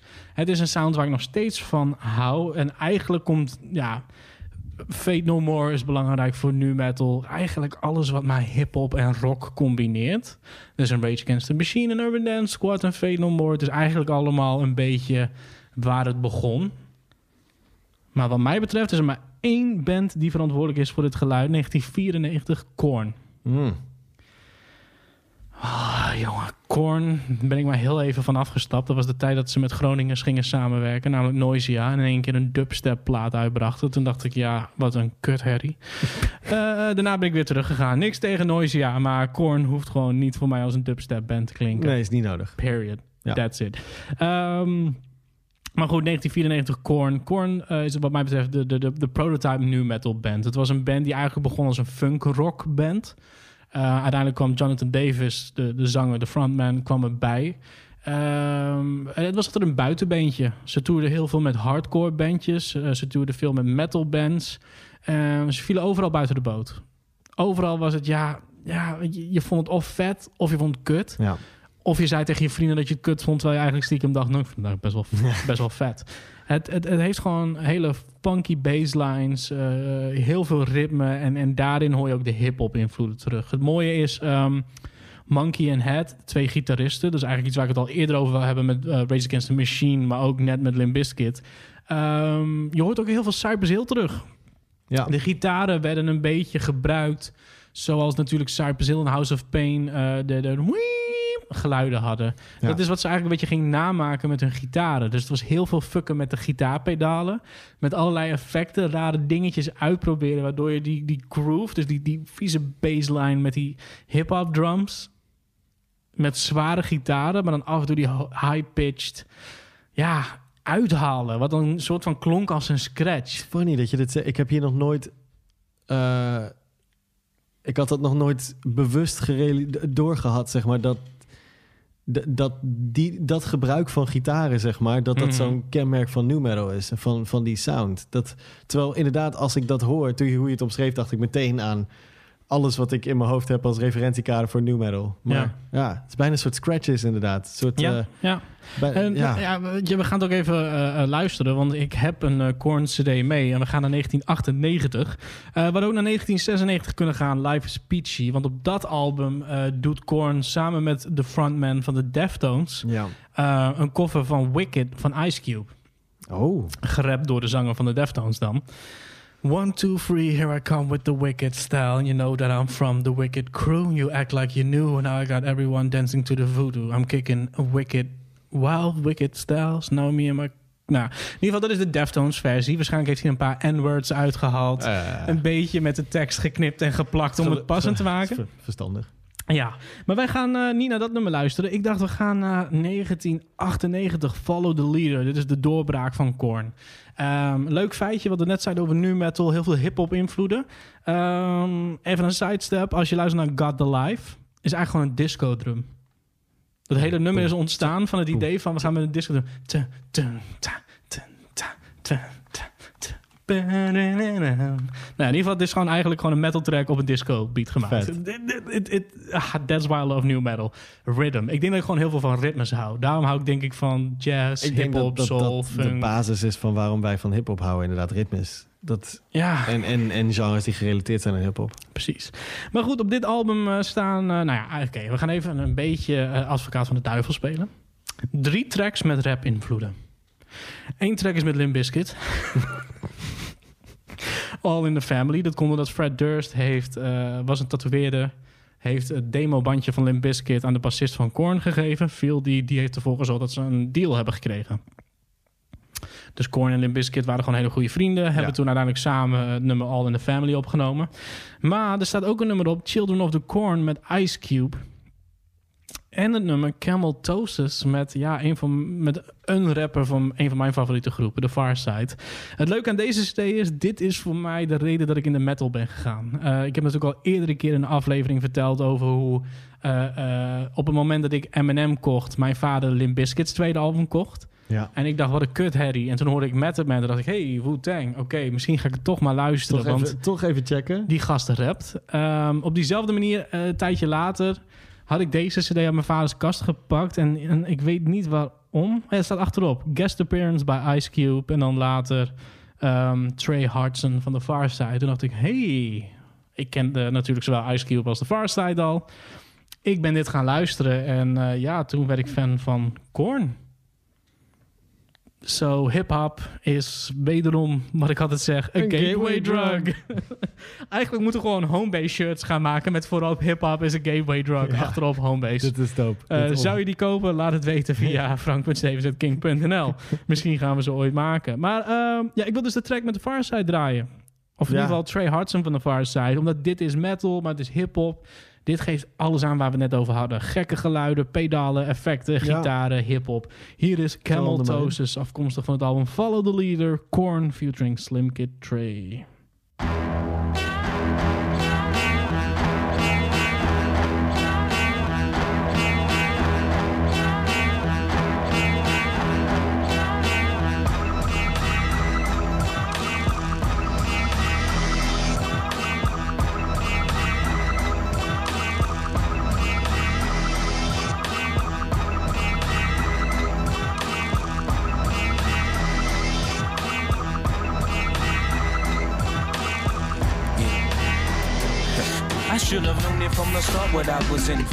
A tenfold. She copy, we exchange some info.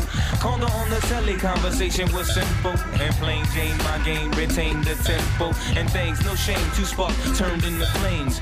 Nipples in the park, just dancing in the rain. Hook me with this fix and look to drain my aim. Some never retain what will suck from your veins. So baby, I ask you. So baby, I ask you. So baby, I ask you. So baby, I ask you. So baby, I ask you. So baby, I ask you. So baby, I ask you. So baby, I ask you.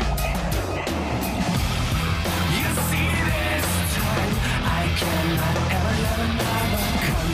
You drink as slow, love twice and we'll get lost.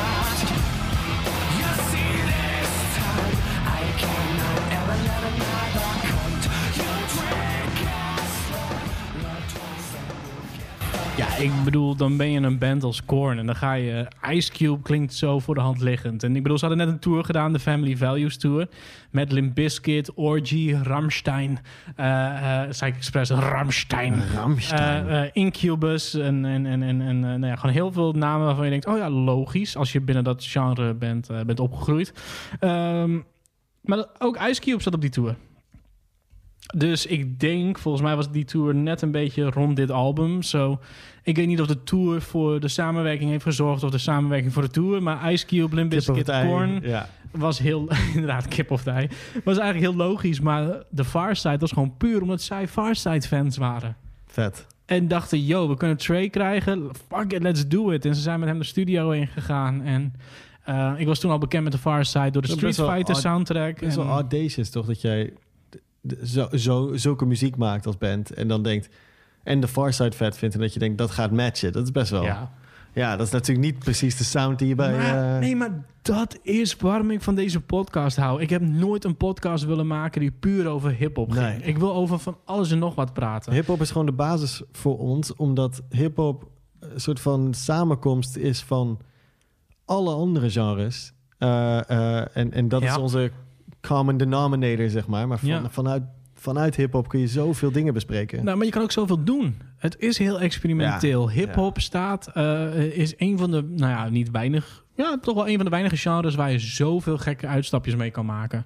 En een van de weinige genres die zich zo lang doorontwikkelt... zonder Precies. compleet zijn eigen identiteit gewoon te verliezen of te Inderdaad. vast te roesten. Zoals- En dan zouden misschien sommige luisteraars denken: hey Frank, ik hoef echt niet die Ghostman shit te horen. Eh, eh, ik vind het ontzettend kut.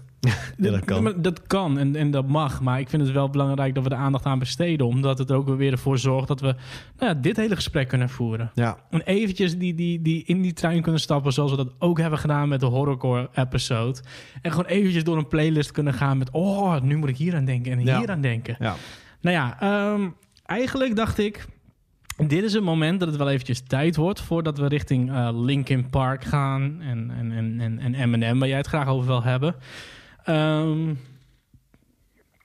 voor die tijd... Hier werd gewoon nu metal een ding. Dat was natuurlijk waar we het net even over hadden. Nu metal, wat heeft dat gedaan voor, voor deze hele scene en alles. Ehm, ik zag gewoon op TMF Korn voorbij komen. Ik zat op TMF Limp Bizkit voorbij komen. Dus je krijgt natuurlijk dat bepaalde artiesten dachten... Hmm, moeten wij niet eens een keer gaan, eh, gaan chansen met het eh, rockgenre? En er zijn een aantal artiesten die dat hebben gedaan. Ehm, ja, de artiesten die we eventjes gewoon belachelijk willen maken daarom... is denk ik toch... Ik weet niet precies welk jaar het was, want het doet er ook niet toe. Want het is gewoon eventjes voor de fuck of it dat we dit gaan draaien. Eh, Puff Daddy. De Notorious B.I.G. was dood. Hij bracht het album uit. Puff Daddy and the Family. No Way Out. Dat ik is geloof- waar eh, I'll Be Missing You op staat? Of is dat de volgende weer? Nee, nee, nee, nee, nee, dat is hem. No Jawel, Way? Out, Ja. Puff Daddy and the Family. En ik had die cd, Dan is hè? het 97. Dat was een van mijn eerste hip-hop cd's. Dan moet het haast wel 97 Ik zijn. ga nu voor je kijken. Oh ja, ik kan niet op Puff Daddy zoeken. Nee, het is hij Diddy. Ja. 1997, even kijken, stond dit Bijna nummer daarop? Brother, Brother Love heette die ook op een gegeven moment. Het nummer stond hierop. It's all about the Benjamins, featuring Notorious B.I.G., Little Kim en The Lux. En het leuke is, en ik, we hadden het hier eerder over, ik weet niet zeker of ze in Nederland, want jij was toen, ik was toen elf, dus jij was toen, Zes? yeah, Ish, you didn't watch TV at Nee. that moment. In ieder geval niet eh, de muziekzenders. Nee, nee, nee. Ik geloof dat ik voornamelijk de, de rockversie van deze track heb gezien. Want wat Puff Daddy hier deed, en dat was natuurlijk wel uniek. eh, dat was de hip-hop versie en de rockversie. En beide hadden een videoclip. Nou ja, eh, Was de boxer toen al of was het eh, MTV? volgens mij was de boxer toen ook al. Maar sowieso TMF. dit, ja. dit is sowieso voor mij een TMF-era Ah, videoclip. Eh, laten we gewoon even een stukje luisteren. Hier is eh, It's All About The Benjamins, The Rock remix. Want ach ja, waarom ook niet? Dat is wat op dat moment hip en relevant was. Dan moest Puff Daddy ook even meedoen. Benjamin's baby.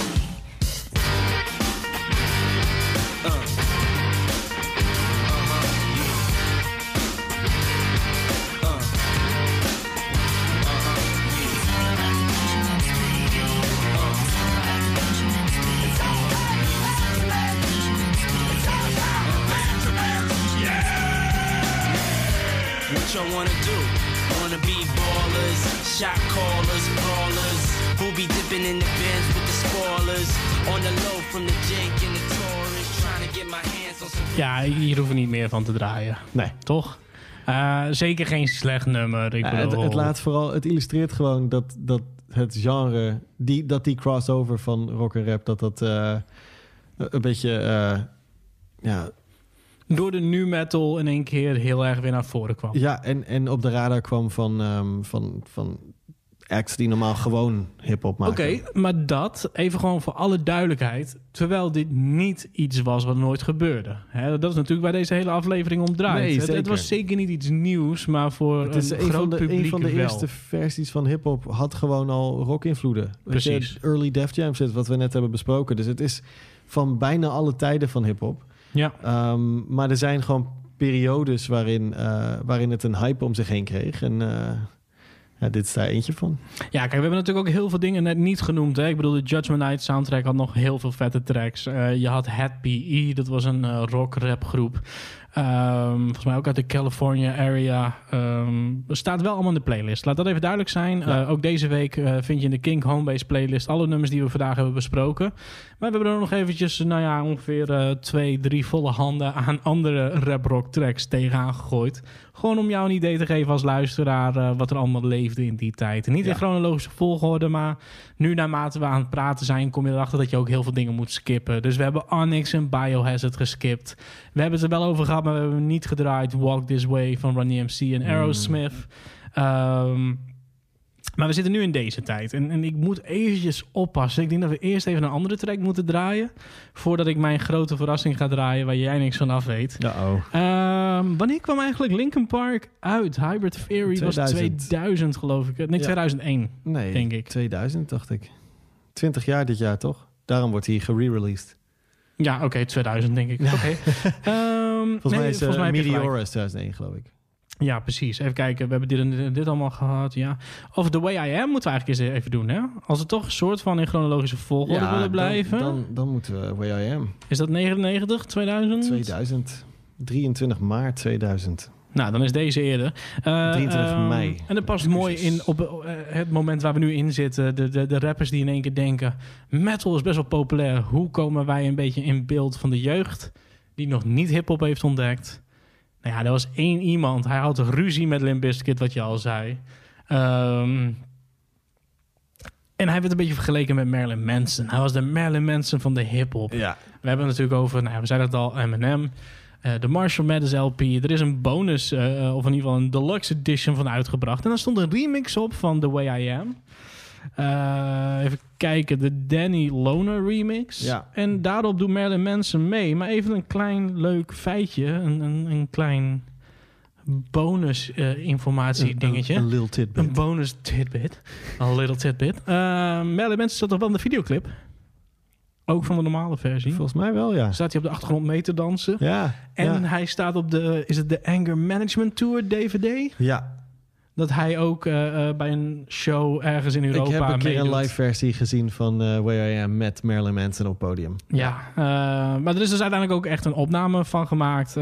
Die versie gaan we draaien. Ik weet niet of we, laten we zeggen, aan, aan Marilyn Manson toekomen in het fragment dat we gaan Nee, draaien. Maar Hij zit erop. Je kan het opzoeken in de playlist.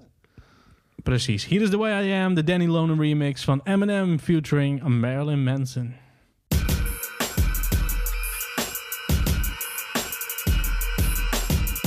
Let it run. Hey yo, turn the beat up a little bit. Hey yo, this song is for anyone. Fuck it. Just shut up and listen. Hey yo. I sit back pack of zigzags in this bag of this weed. It gives me the shit needed to be the most meanest MC on this on this earth. And since birth, I've been cursed with this curse to just curse and just blurt this berserk and bizarre shit that works and it sells and it helps in itself to relieve all this tension, dispense and these sentences getting the stress that's been eating me recently off of this chest and I rest again peacefully, peacefully. But at least have the decency in you to leave me alone freaks see me out in the streets when I'm eating or feeding my daughter to not come and speak to me. I don't know you and no, I don't owe you a motherfucking thing. I'm not Mr. Insync, I'm not what your friends think. I'm not Mr. Friendly, I can be a brick if you tip me. My tank is on empty. No patience is in me, and if you offend me, I'm lifting you ten feet in the air. I don't care who was there and who saw me. Just joy, you gon' call you a lawyer, file you a lawsuit. I'll you a wardrobe. I'm tired of all you. I don't mean to be mean,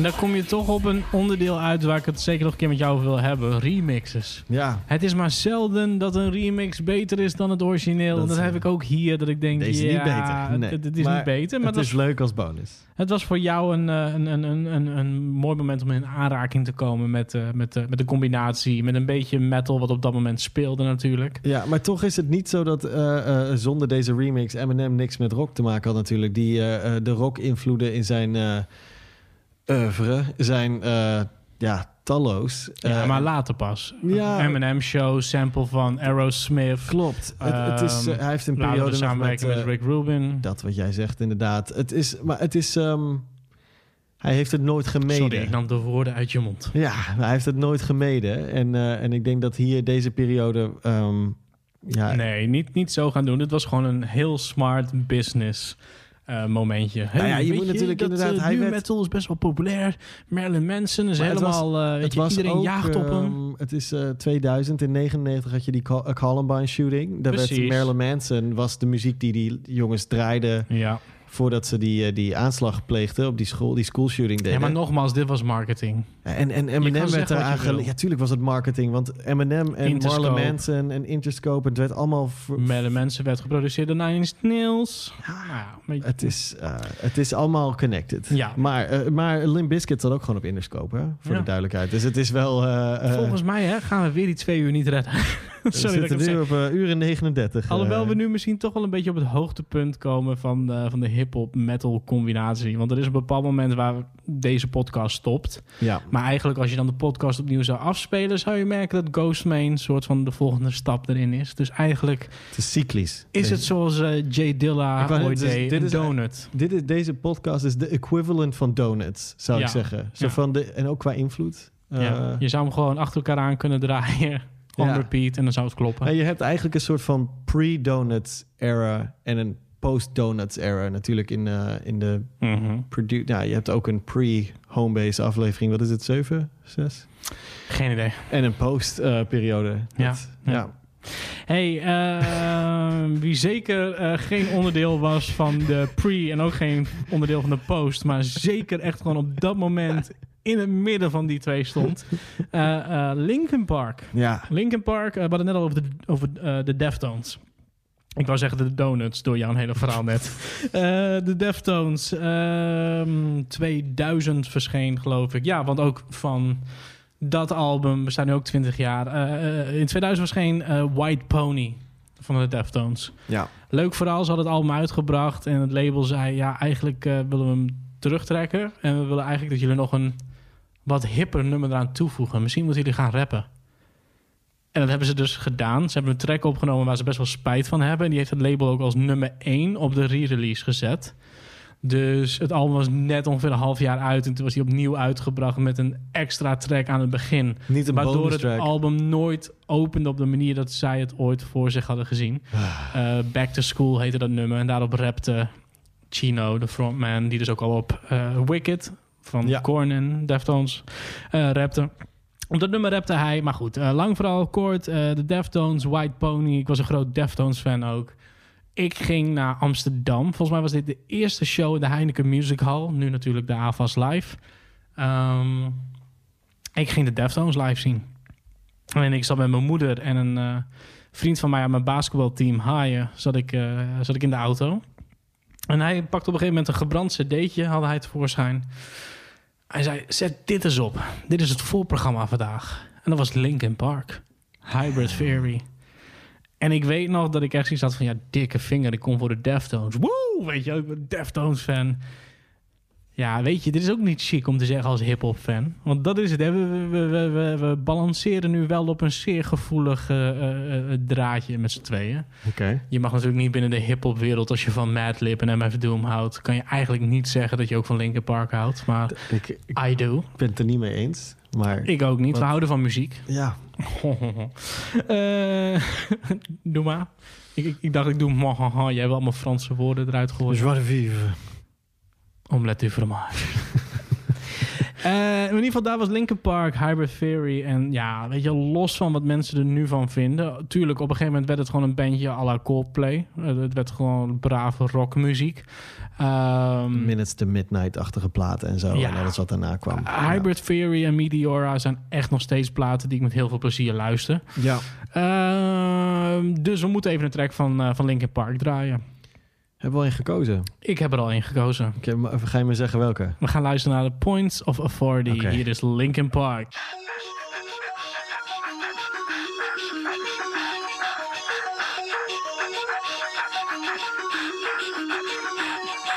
Forfeit the game before somebody else takes you out of the frame and put your name to shame. Cover up your face. You can't run the race. The pace is too fast. It just won't last.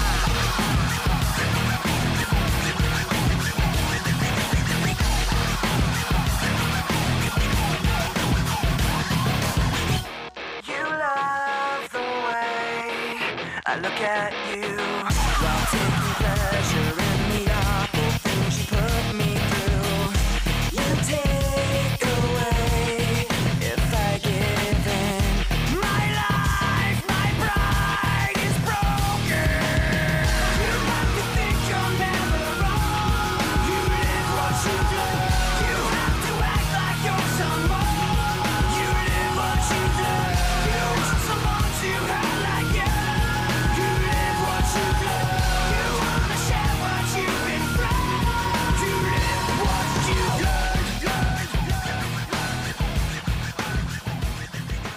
En wat hier natuurlijk heel erg naar voren komt, zijn de scratches. Ja. Dus wat ik net al tegen jou zei, terwijl we aan het luisteren waren van... holy shit, dat is een onderdeel wat we eigenlijk zijn vergeten, soort van. We hebben het heel erg veel over rappen.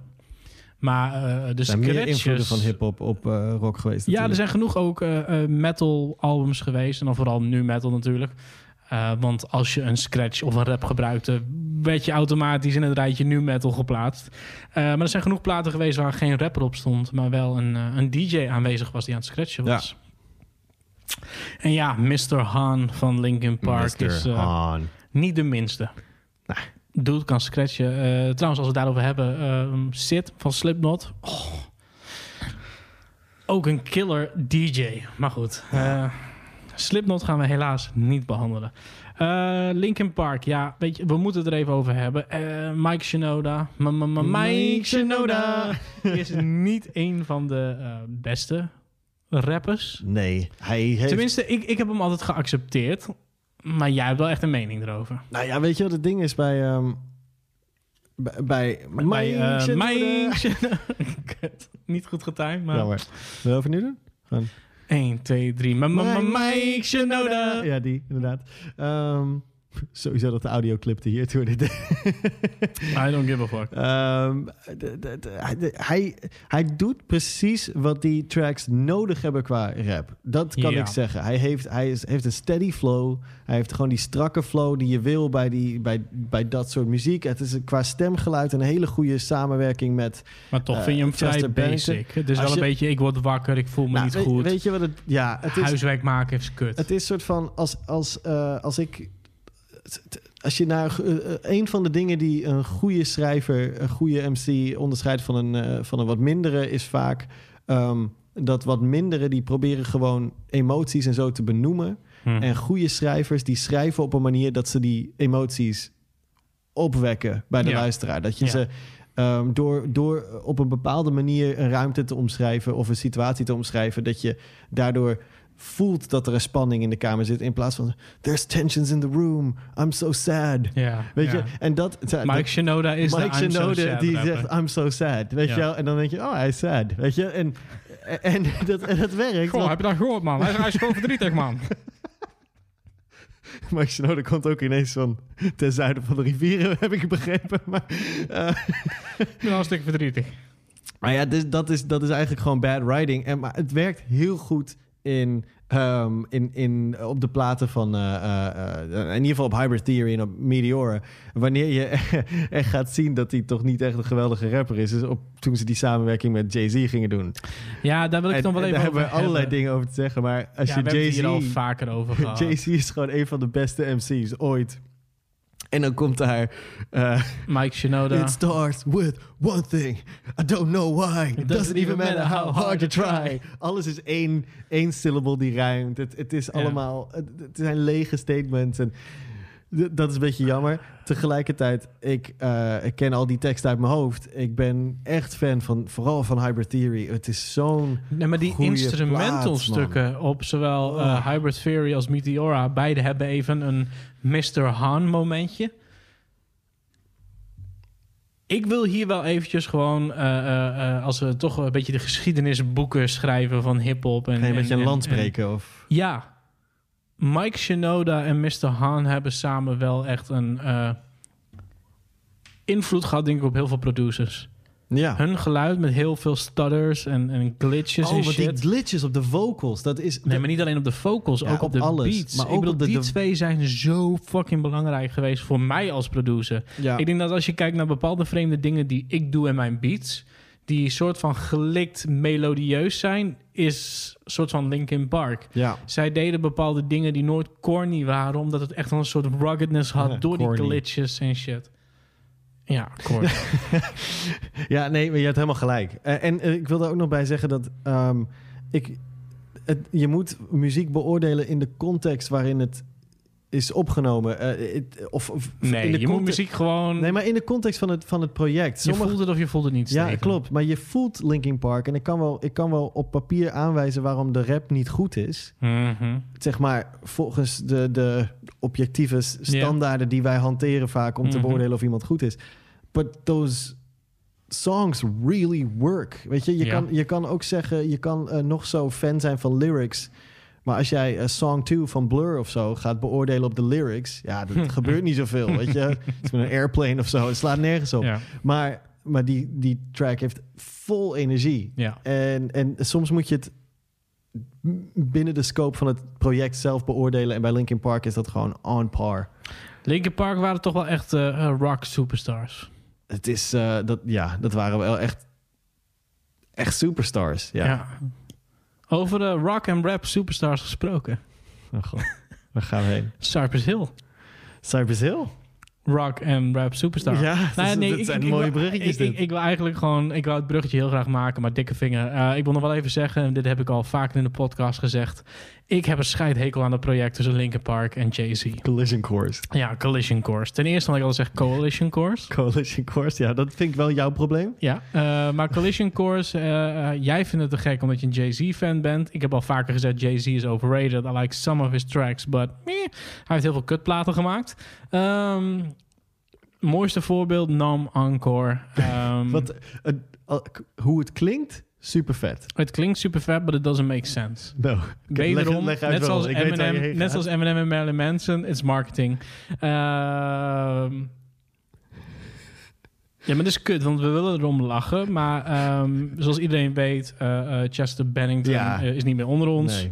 Hij heeft zelf een einde aan zijn leven gemaakt. deelde met heel veel depressies. Ehm Numb is echt een ontzettend persoonlijk nummer voor hem. Heel diep, heel pijnlijk. Heel diep, heel pijnlijk. En een nummer waar ook heel veel fans zich mee verbonden voelen. Het is inderdaad een kwetsbaar nummer. Eh, I've Become So Numb. En dat hebben ze gekoppeld aan Jay-Z's Ja. Encore. Dus dat, je hebt... dat alles gezegd hebbende over, om het in context te plaatsen, van dus hoe tragisch het Chester dus Bennington verhaal Chester is. Bennington, I've become so numb. En dan is het En best wel hilarisch dat hoor daarna je Jay-Z, can I get an encore? Do you want more? Cooking raw with the. Brooklyn boy. Nee, we don't want a fucking encore. This guy is in pain. Hij wil geen toegift. Hij, zegt- wil van deze shit af zijn. Chester zegt dat hij numb is, ook van drugs en shit. En dan zeg ik, cooking raw with the Brooklyn boys. Dat hij gewoon... Precies. Je hebt, de, je hebt de, de pijn van de user Oh die my zelf aan, God. aan self-medicaten is. En dan heb je Jay-Z die opschept over drug pushing. En we Dus zeggen altijd dat ik van de Sonics ben en jij van de lyrics. Maar Ja, in dit is- geval, de, de Sonics zijn cool. Maar de lyrics... op de regel. Oh mijn god, ik vind dat zo pijnlijk. En dan, dan als je dan die combinaties hoort, dat je gewoon denkt van ja, dit klopt niet. En dat heeft mij altijd gewoon dwars gezeten. Ja. En vooral bij een nummer als Nam. eh, en ook natuurlijk wat er uiteindelijk eh, gebeurd is. Ah, ik, ik weet niet, ik vind het gewoon... Ja, Nee, maar er zijn ook tracks als eh, eh, die Dirt Off Your Shoulder mashup en eh, 99 Problems mashup. Die werken Precies. beter qua, qua vibe, denk ik.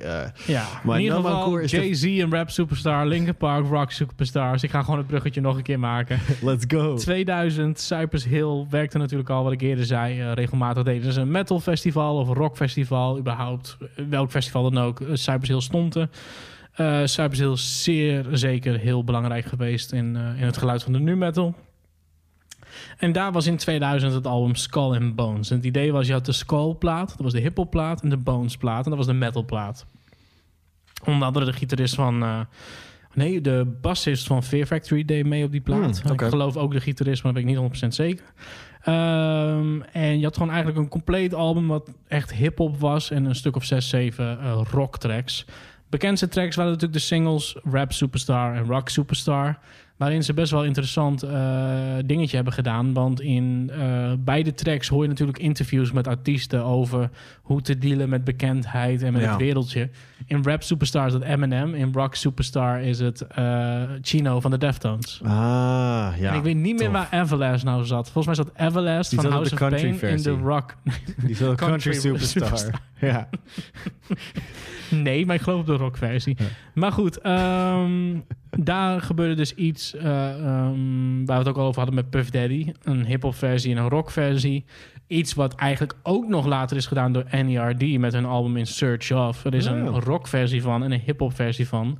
Dus waar deze groepen dat nog deden met losse tracks, werd daar een soort van onder een vergrootglas gelegd en met een heel album op die manier eh, gepresenteerd. Maar eh, ik moet even een track uitkiezen. Ik wou niet Rock of Rap Superstar doen, dus we gaan voor eh, Can't Get The Best Of Me, wat ook een single was. Hier is eh, Cypress Hill, afkomstig van het album Skull and Bones.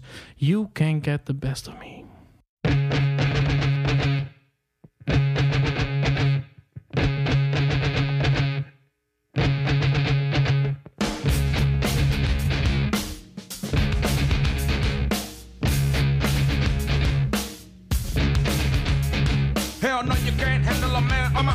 Superior strength. I've been rocking for years. Now it's time to go to length. Biting MCs and their tracks, I stop them. My rhyme style, megaton dropper. My concepts come sick like Dennis Hopper. I jack boots up and stick them like dirty coppers. Like I said before, I'm taking you label whores. Down to the bone, y'all can ass on your go for. Only one way to deal with these softies. Take their ass out like heroes did Ray Fosse. And when you test me, you better bring styles. Cause mine can go on and on and on for miles. You can't get the best of me. Can't get the best of me. Can't get the best of me. Can't get the best of me. Can't get the best of me. You can't get the best of me. Can't get the best of me. You can't get the best of me. Can't get the best of me. You can't get the best of me. Can't get the best of me. You can't get the best of me. Can't get the best of me. Cypress Hill. Can't Get The Best Of Me. Ja, Cypress Hill was altijd eigenlijk al wel verbonden met, eh, met de metal muziek, zoals we al eerder zeiden. Maar eh, op deze plaat echt. Ja. Maar natuurlijk wel weer een marketing, eh, marketing trucje.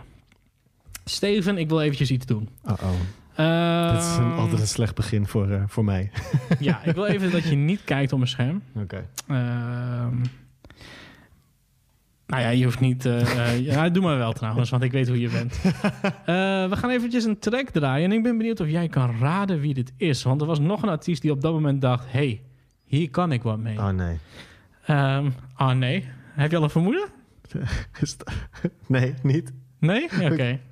Je hebt het gezien? Nee, ik heb niks gezien. Oké, want je durft je antwoord niet te geven... omdat je veel te bang bent dat je gelijk hebt. Nee, ga, ga je gang. Oké, Ga, ga we gaan een track luisteren en ik wil eh, van jou weten of jij, eh, of jij denkt te weten wie dit is. Oké? Ja, let's go. Dat gaan we doen.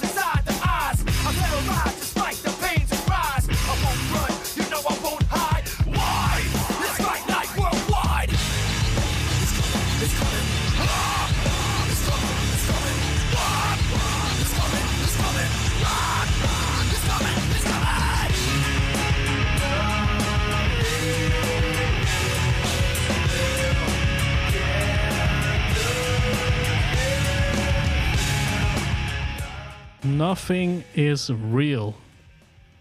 Ah. Welke rapper is dit? Ga gewoon los. Gooi gewoon alles eruit wat je denkt en eh, niet op het beeldscherm kijken. Eh, het klinkt als een white dude. Ja. Is het een white dude? Ja. zeg het gewoon. Want je hebt maar één ding wat nu op het puntje van je tong ligt. zeg het gewoon. Nee, ik heb het niet. Ik heb, ik kom, ik heb het niet. Ik, heb, ik zie we, alles we, voor... we, we, we spelen dit spelletje. Dus Ge- ik mag ja of nee zeggen. Is de white dude? Ja. Ge- ge- geef eens een hint. Nee. Nee, dat, dat is niet hoe het spelletje werkt. Je kan niet gewoon... Ik heb één hele goede hint, maar dan is het direct mee verpest. Oké, nee, ja, oké. Dat, die heb ik nodig. Nee. Kom op. Eh, Vraag, stel mij vragen. Houd het ook leuk voor de kijker Is en de het- luister, eh, is het- luisteraar, kijker. Is het... ehm, is, het een, eh, een, een rapper die, eh, die jij niet bepaald goed vindt? Ja. Ah, ik, ik kom er niet op. Ik kom er echt niet op. Kom op. Nee? Ice Cube werkte met Korn. Ice-T begon Body Count. Maar dat zijn niet de enige twee Ice, toch? ices. Dit is toch niet Vanilla Ice? Dit was Vanilla Ice Nee, nee, nee, want dat is het eerste- Real, dat- afkomstig van het album Dat dacht ik, maar dat kon niet. Ik dacht, ik, dat, ik dacht dat dat kon niet. Zeg maar, dat was het eerste wat in me opkwam. En ik dacht, dat ga ik niet zeggen, want dan sta ik voor lul. Dat slaat echt zo nergens op. No way. Ja. Ja. Are you serious? Ja, in Hij 2001... klinkt, hij klinkt wit. Hij Ja. klinkt blank, zeg maar. In eh, 2001 erg. bracht Vanilla Ice het album Bipolar uit... waar onder andere het nummer Nothing is Real op staat. Maar eh, dit is beter dan alles wat hij ooit heeft gemaakt daarvoor. Klopt, klopt. Eh, op dit album stond volgens mij ook een track met een dude van, eh, van de Wu-Tang Clan. Maar dan niet eh, echt Wu-Tang, maar een soort van... You God of zo. Nee, You God is onderdeel van de Wu-Tang Clan. Niet dit soort dingen zeggen. Ehm, Personally offended, hè? ja, ja, echt. Ehm, nee, ik bedoel echt van de, van de Killer Bees. Ah, ja, ja. ja. Ehm, Insane Killers is volgens mij een track met nou ja, die gast en eh, de Insane Clown Posse. Ehm, hij is een tijdje getekend op het label van de Insane Clown Posse. Heeft er nooit een album op uitgebracht. Vanilla Ice? Ja. Wat, wat vertel je me nou weer, joh? ja, de Insane Clown... Vanilla Ice is eigenlijk onderdeel van Psychopathic Records. Dus Vanilla Ice is en van de balkon afgehangen door Shug Knight... en hij heeft bij eh, ICP eh, gezeten. Niet bij ICP. Ja, nee, bij het op label. Ja. Het is echt gewoon Ehm, wel vreemd leven Het grappige is, hij heeft nog een plaat opgenomen volgens mij voor dit album. En het staat niet op zijn Spotify-account. Eh, daar heet hij V-Ice. En dat was echt een nu metal plaat. Dus echt gewoon minder rap en meer metal. V-Ice als in Vice? V-Ice. Ja, dat zijn altijd kutbands die zo'n naam hebben. Maar goed, ehm, dat is opgenomen met, ah, volgens mij, ik hoop dat ik het goed zeg, volgens mij Ross Robinson, die bekend is van het eerste Korn-album, Ah. het eerste Limp Bizkit-album. Degene die eigenlijk een soort van ook verantwoordelijk is voor nu metal. Ook Slipknot heeft hij meegewerkt. Op een gegeven moment dacht het team rondom Vanilla Ice, weet je wat wij gaan doen?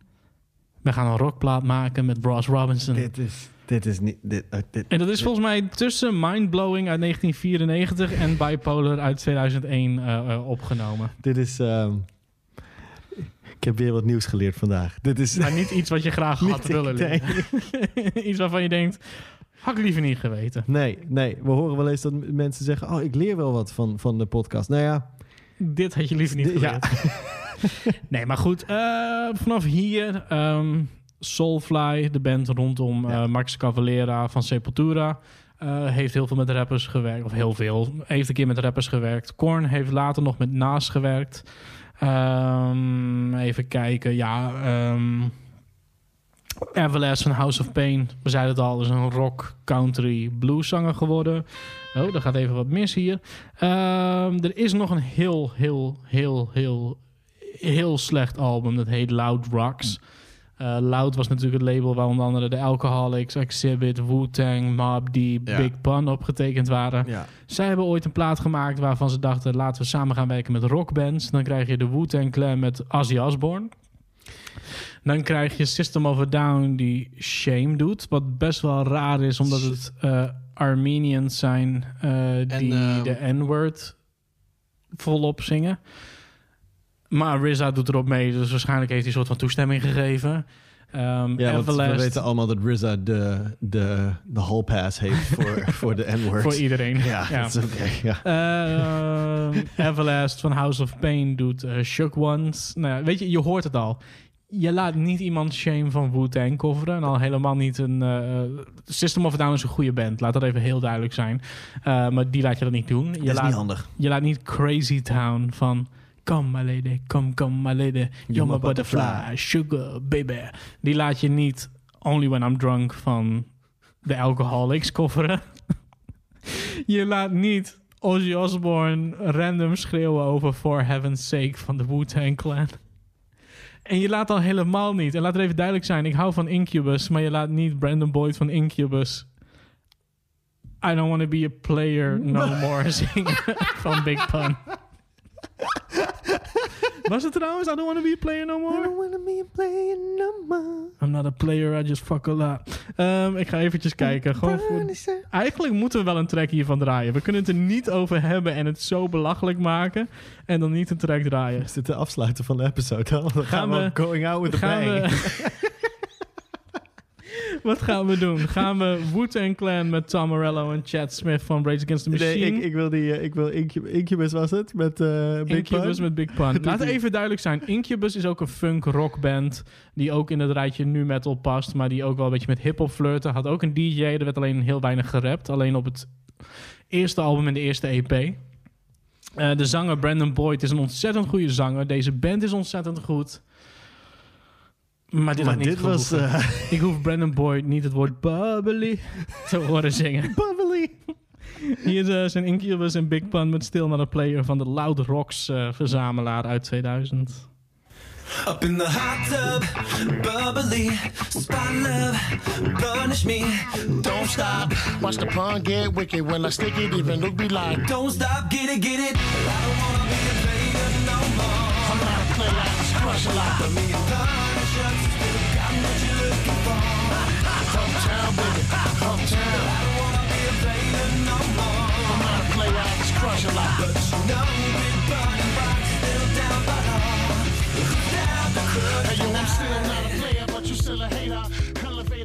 Who's down to crush tonight? Well, not me, Brandon. not me. Not Dit, me eh, either. Sommige dingen werken niet. Maar, eh, maar goed. Eigenlijk nu het, eh, het, het, het, het, het, het, het- belangrijkste punt. We begonnen met Ghostman. Ja. Iets van nu. Ehm, het, eh, wat ik eigenlijk probeer te zeggen is... Het is een, vanaf dit moment, ongeveer halverwege de jaren eh 2000... dus ongeveer 2005, 2006... nu metal was niet hip meer. Eh, metal was niet meer iets wat, eh, wat, op- wat op de voorgrond eh, eh, stond van de muziekzenders. Dus de TMF, eh, de MTV, de Box, maar ook niet meer op de radio. Het was niet meer belangrijk, het was niet meer hip genoeg. We gingen andere geluiden eh, ehm, aandacht geven.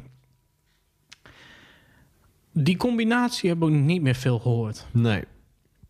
We hebben natuurlijk heel veel samples nog steeds van rock eh, die, die terugkwamen in, in hip-hop. Mhm.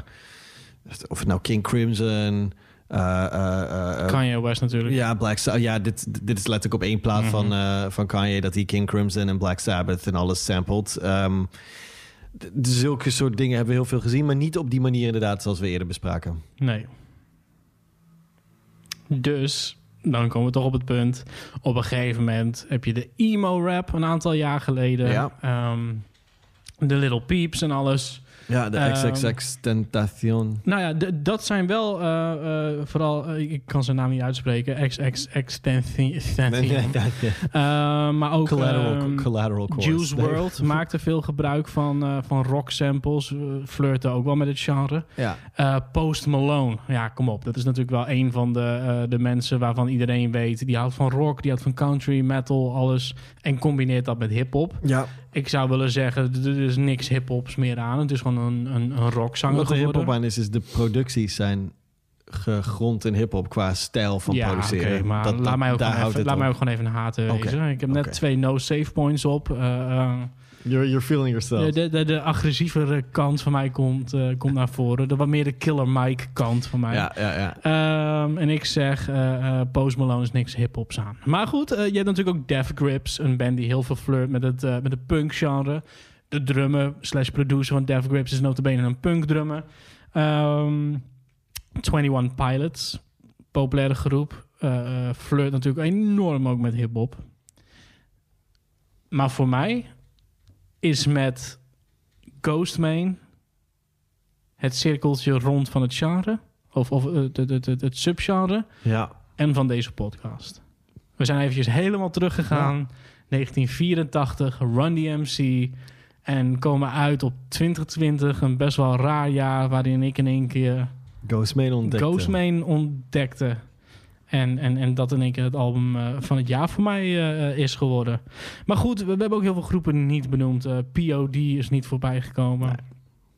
Ehm, nou, ik kan nu wel een hele lijst gaan opnoemen met Dat is bands. te, maar te veel om op te noemen. Maar degene Insane die... Clown Posse is wel genoemd, maar heeft natuurlijk ook best wel veel ermee gedaan. Ja. Twisted, eh, die we natuurlijk een tijdje geleden hadden een interview met Jamie Madrox van Twisted. Hebben zeker ook... Freak Show ehm, is een belangrijk album als je kijkt naar uh, nu metal en, en die periode. Heel veel gitaar op die plaat.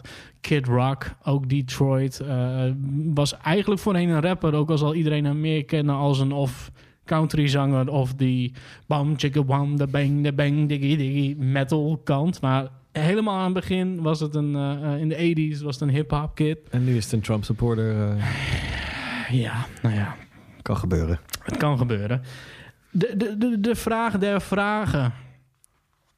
Is er eigenlijk wel één groep, één artiest? Dus we hebben het niet over platen. Want als we het over platen hebben, dan ben ik gewoon heel eerlijk. Als er één album is wat echt gewoon rock, hip-hop combineert op de beste manier possible. Als je één CD wil hebben daarvoor, Judgment Night. De soundtrack. De soundtrack. Dit is het. Dit is het. Dit houdt al het echte van hip-hop en al het echte van rock. En het combineert het op een Ja. manier dat, dat het geen een van de twee de short end of the stick krijgt. Nee.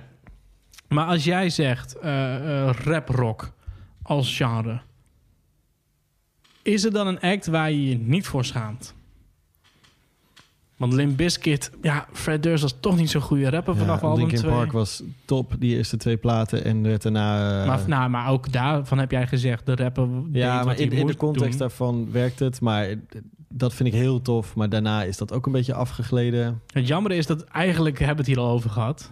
Ja, ik denk dat de enige die, die we zouden kunnen noemen is Rage the Rage Against the Machine. Dat is de enige groep die, waarvan de rapper ook daadwerkelijk goed was. Ja. Is. Ja. Want hij doet nu natuurlijk ook mee met Run the Jewels. Hij zou ooit een solo-album uitbrengen met LP. Ja, dat, dat is... En dat album schijnt er te liggen. Of, eh, Er zijn in ieder geval demo-tracks met Dat beats beetje- van LP met Zack de la Rocha vocalen. Dat, zou een, eh, dat is een soort holy grail van de... Ja. Nee, maar dit, dit, dit Ja. is gewoon de enige band die hierin echt serieus te nemen is. Je hebt gewoon een rapper die kan rappen, die iets te zeggen heeft. Ja. Ehm, er wordt niet een soort grapje van gemaakt. Zo van, hey, ik ben aan het rappen. hahaha, Het is en geen ik gimmick. combineer het met het is metal. niet een gimmick, het is Het is authentiek. geen gimmick, het is inderdaad authentiek. Eh, de muziek is ook funky. Sterker nog, eh Race Against the Machine is meerdere malen gesampled door hip-hop groepen. Ja. Dus eigenlijk zeggen wij gewoon hier in deze show op dit moment voor de boeken. Als je maar ooit één act moet, moet luisteren die rap en rock hebben gemerged... zonder dat je eigenlijk jezelf ervoor schaamt of denkt dat het een soort one day fly Ja, of was. zonder of dat je toch nog één album te ver bent gaan luisteren in de discography. Rage Against the Machine. Rage Against the Machine. Wat is de slechtste van alles dat we hebben gehoord? Vanilla Ice komt in de buurt. Ik wist het. hey, eh, we laten het hierbij, denk ik. Yes. Eh, tot zover deze aflevering van Homebase. Mijn naam is Frank Stevens. Mijn naam is Steven Gilbert. Tot over twee weken. Yes, peace out. Dit is een podcast van Kink. Voor meer podcasts, playlists en radio, check kink.nl.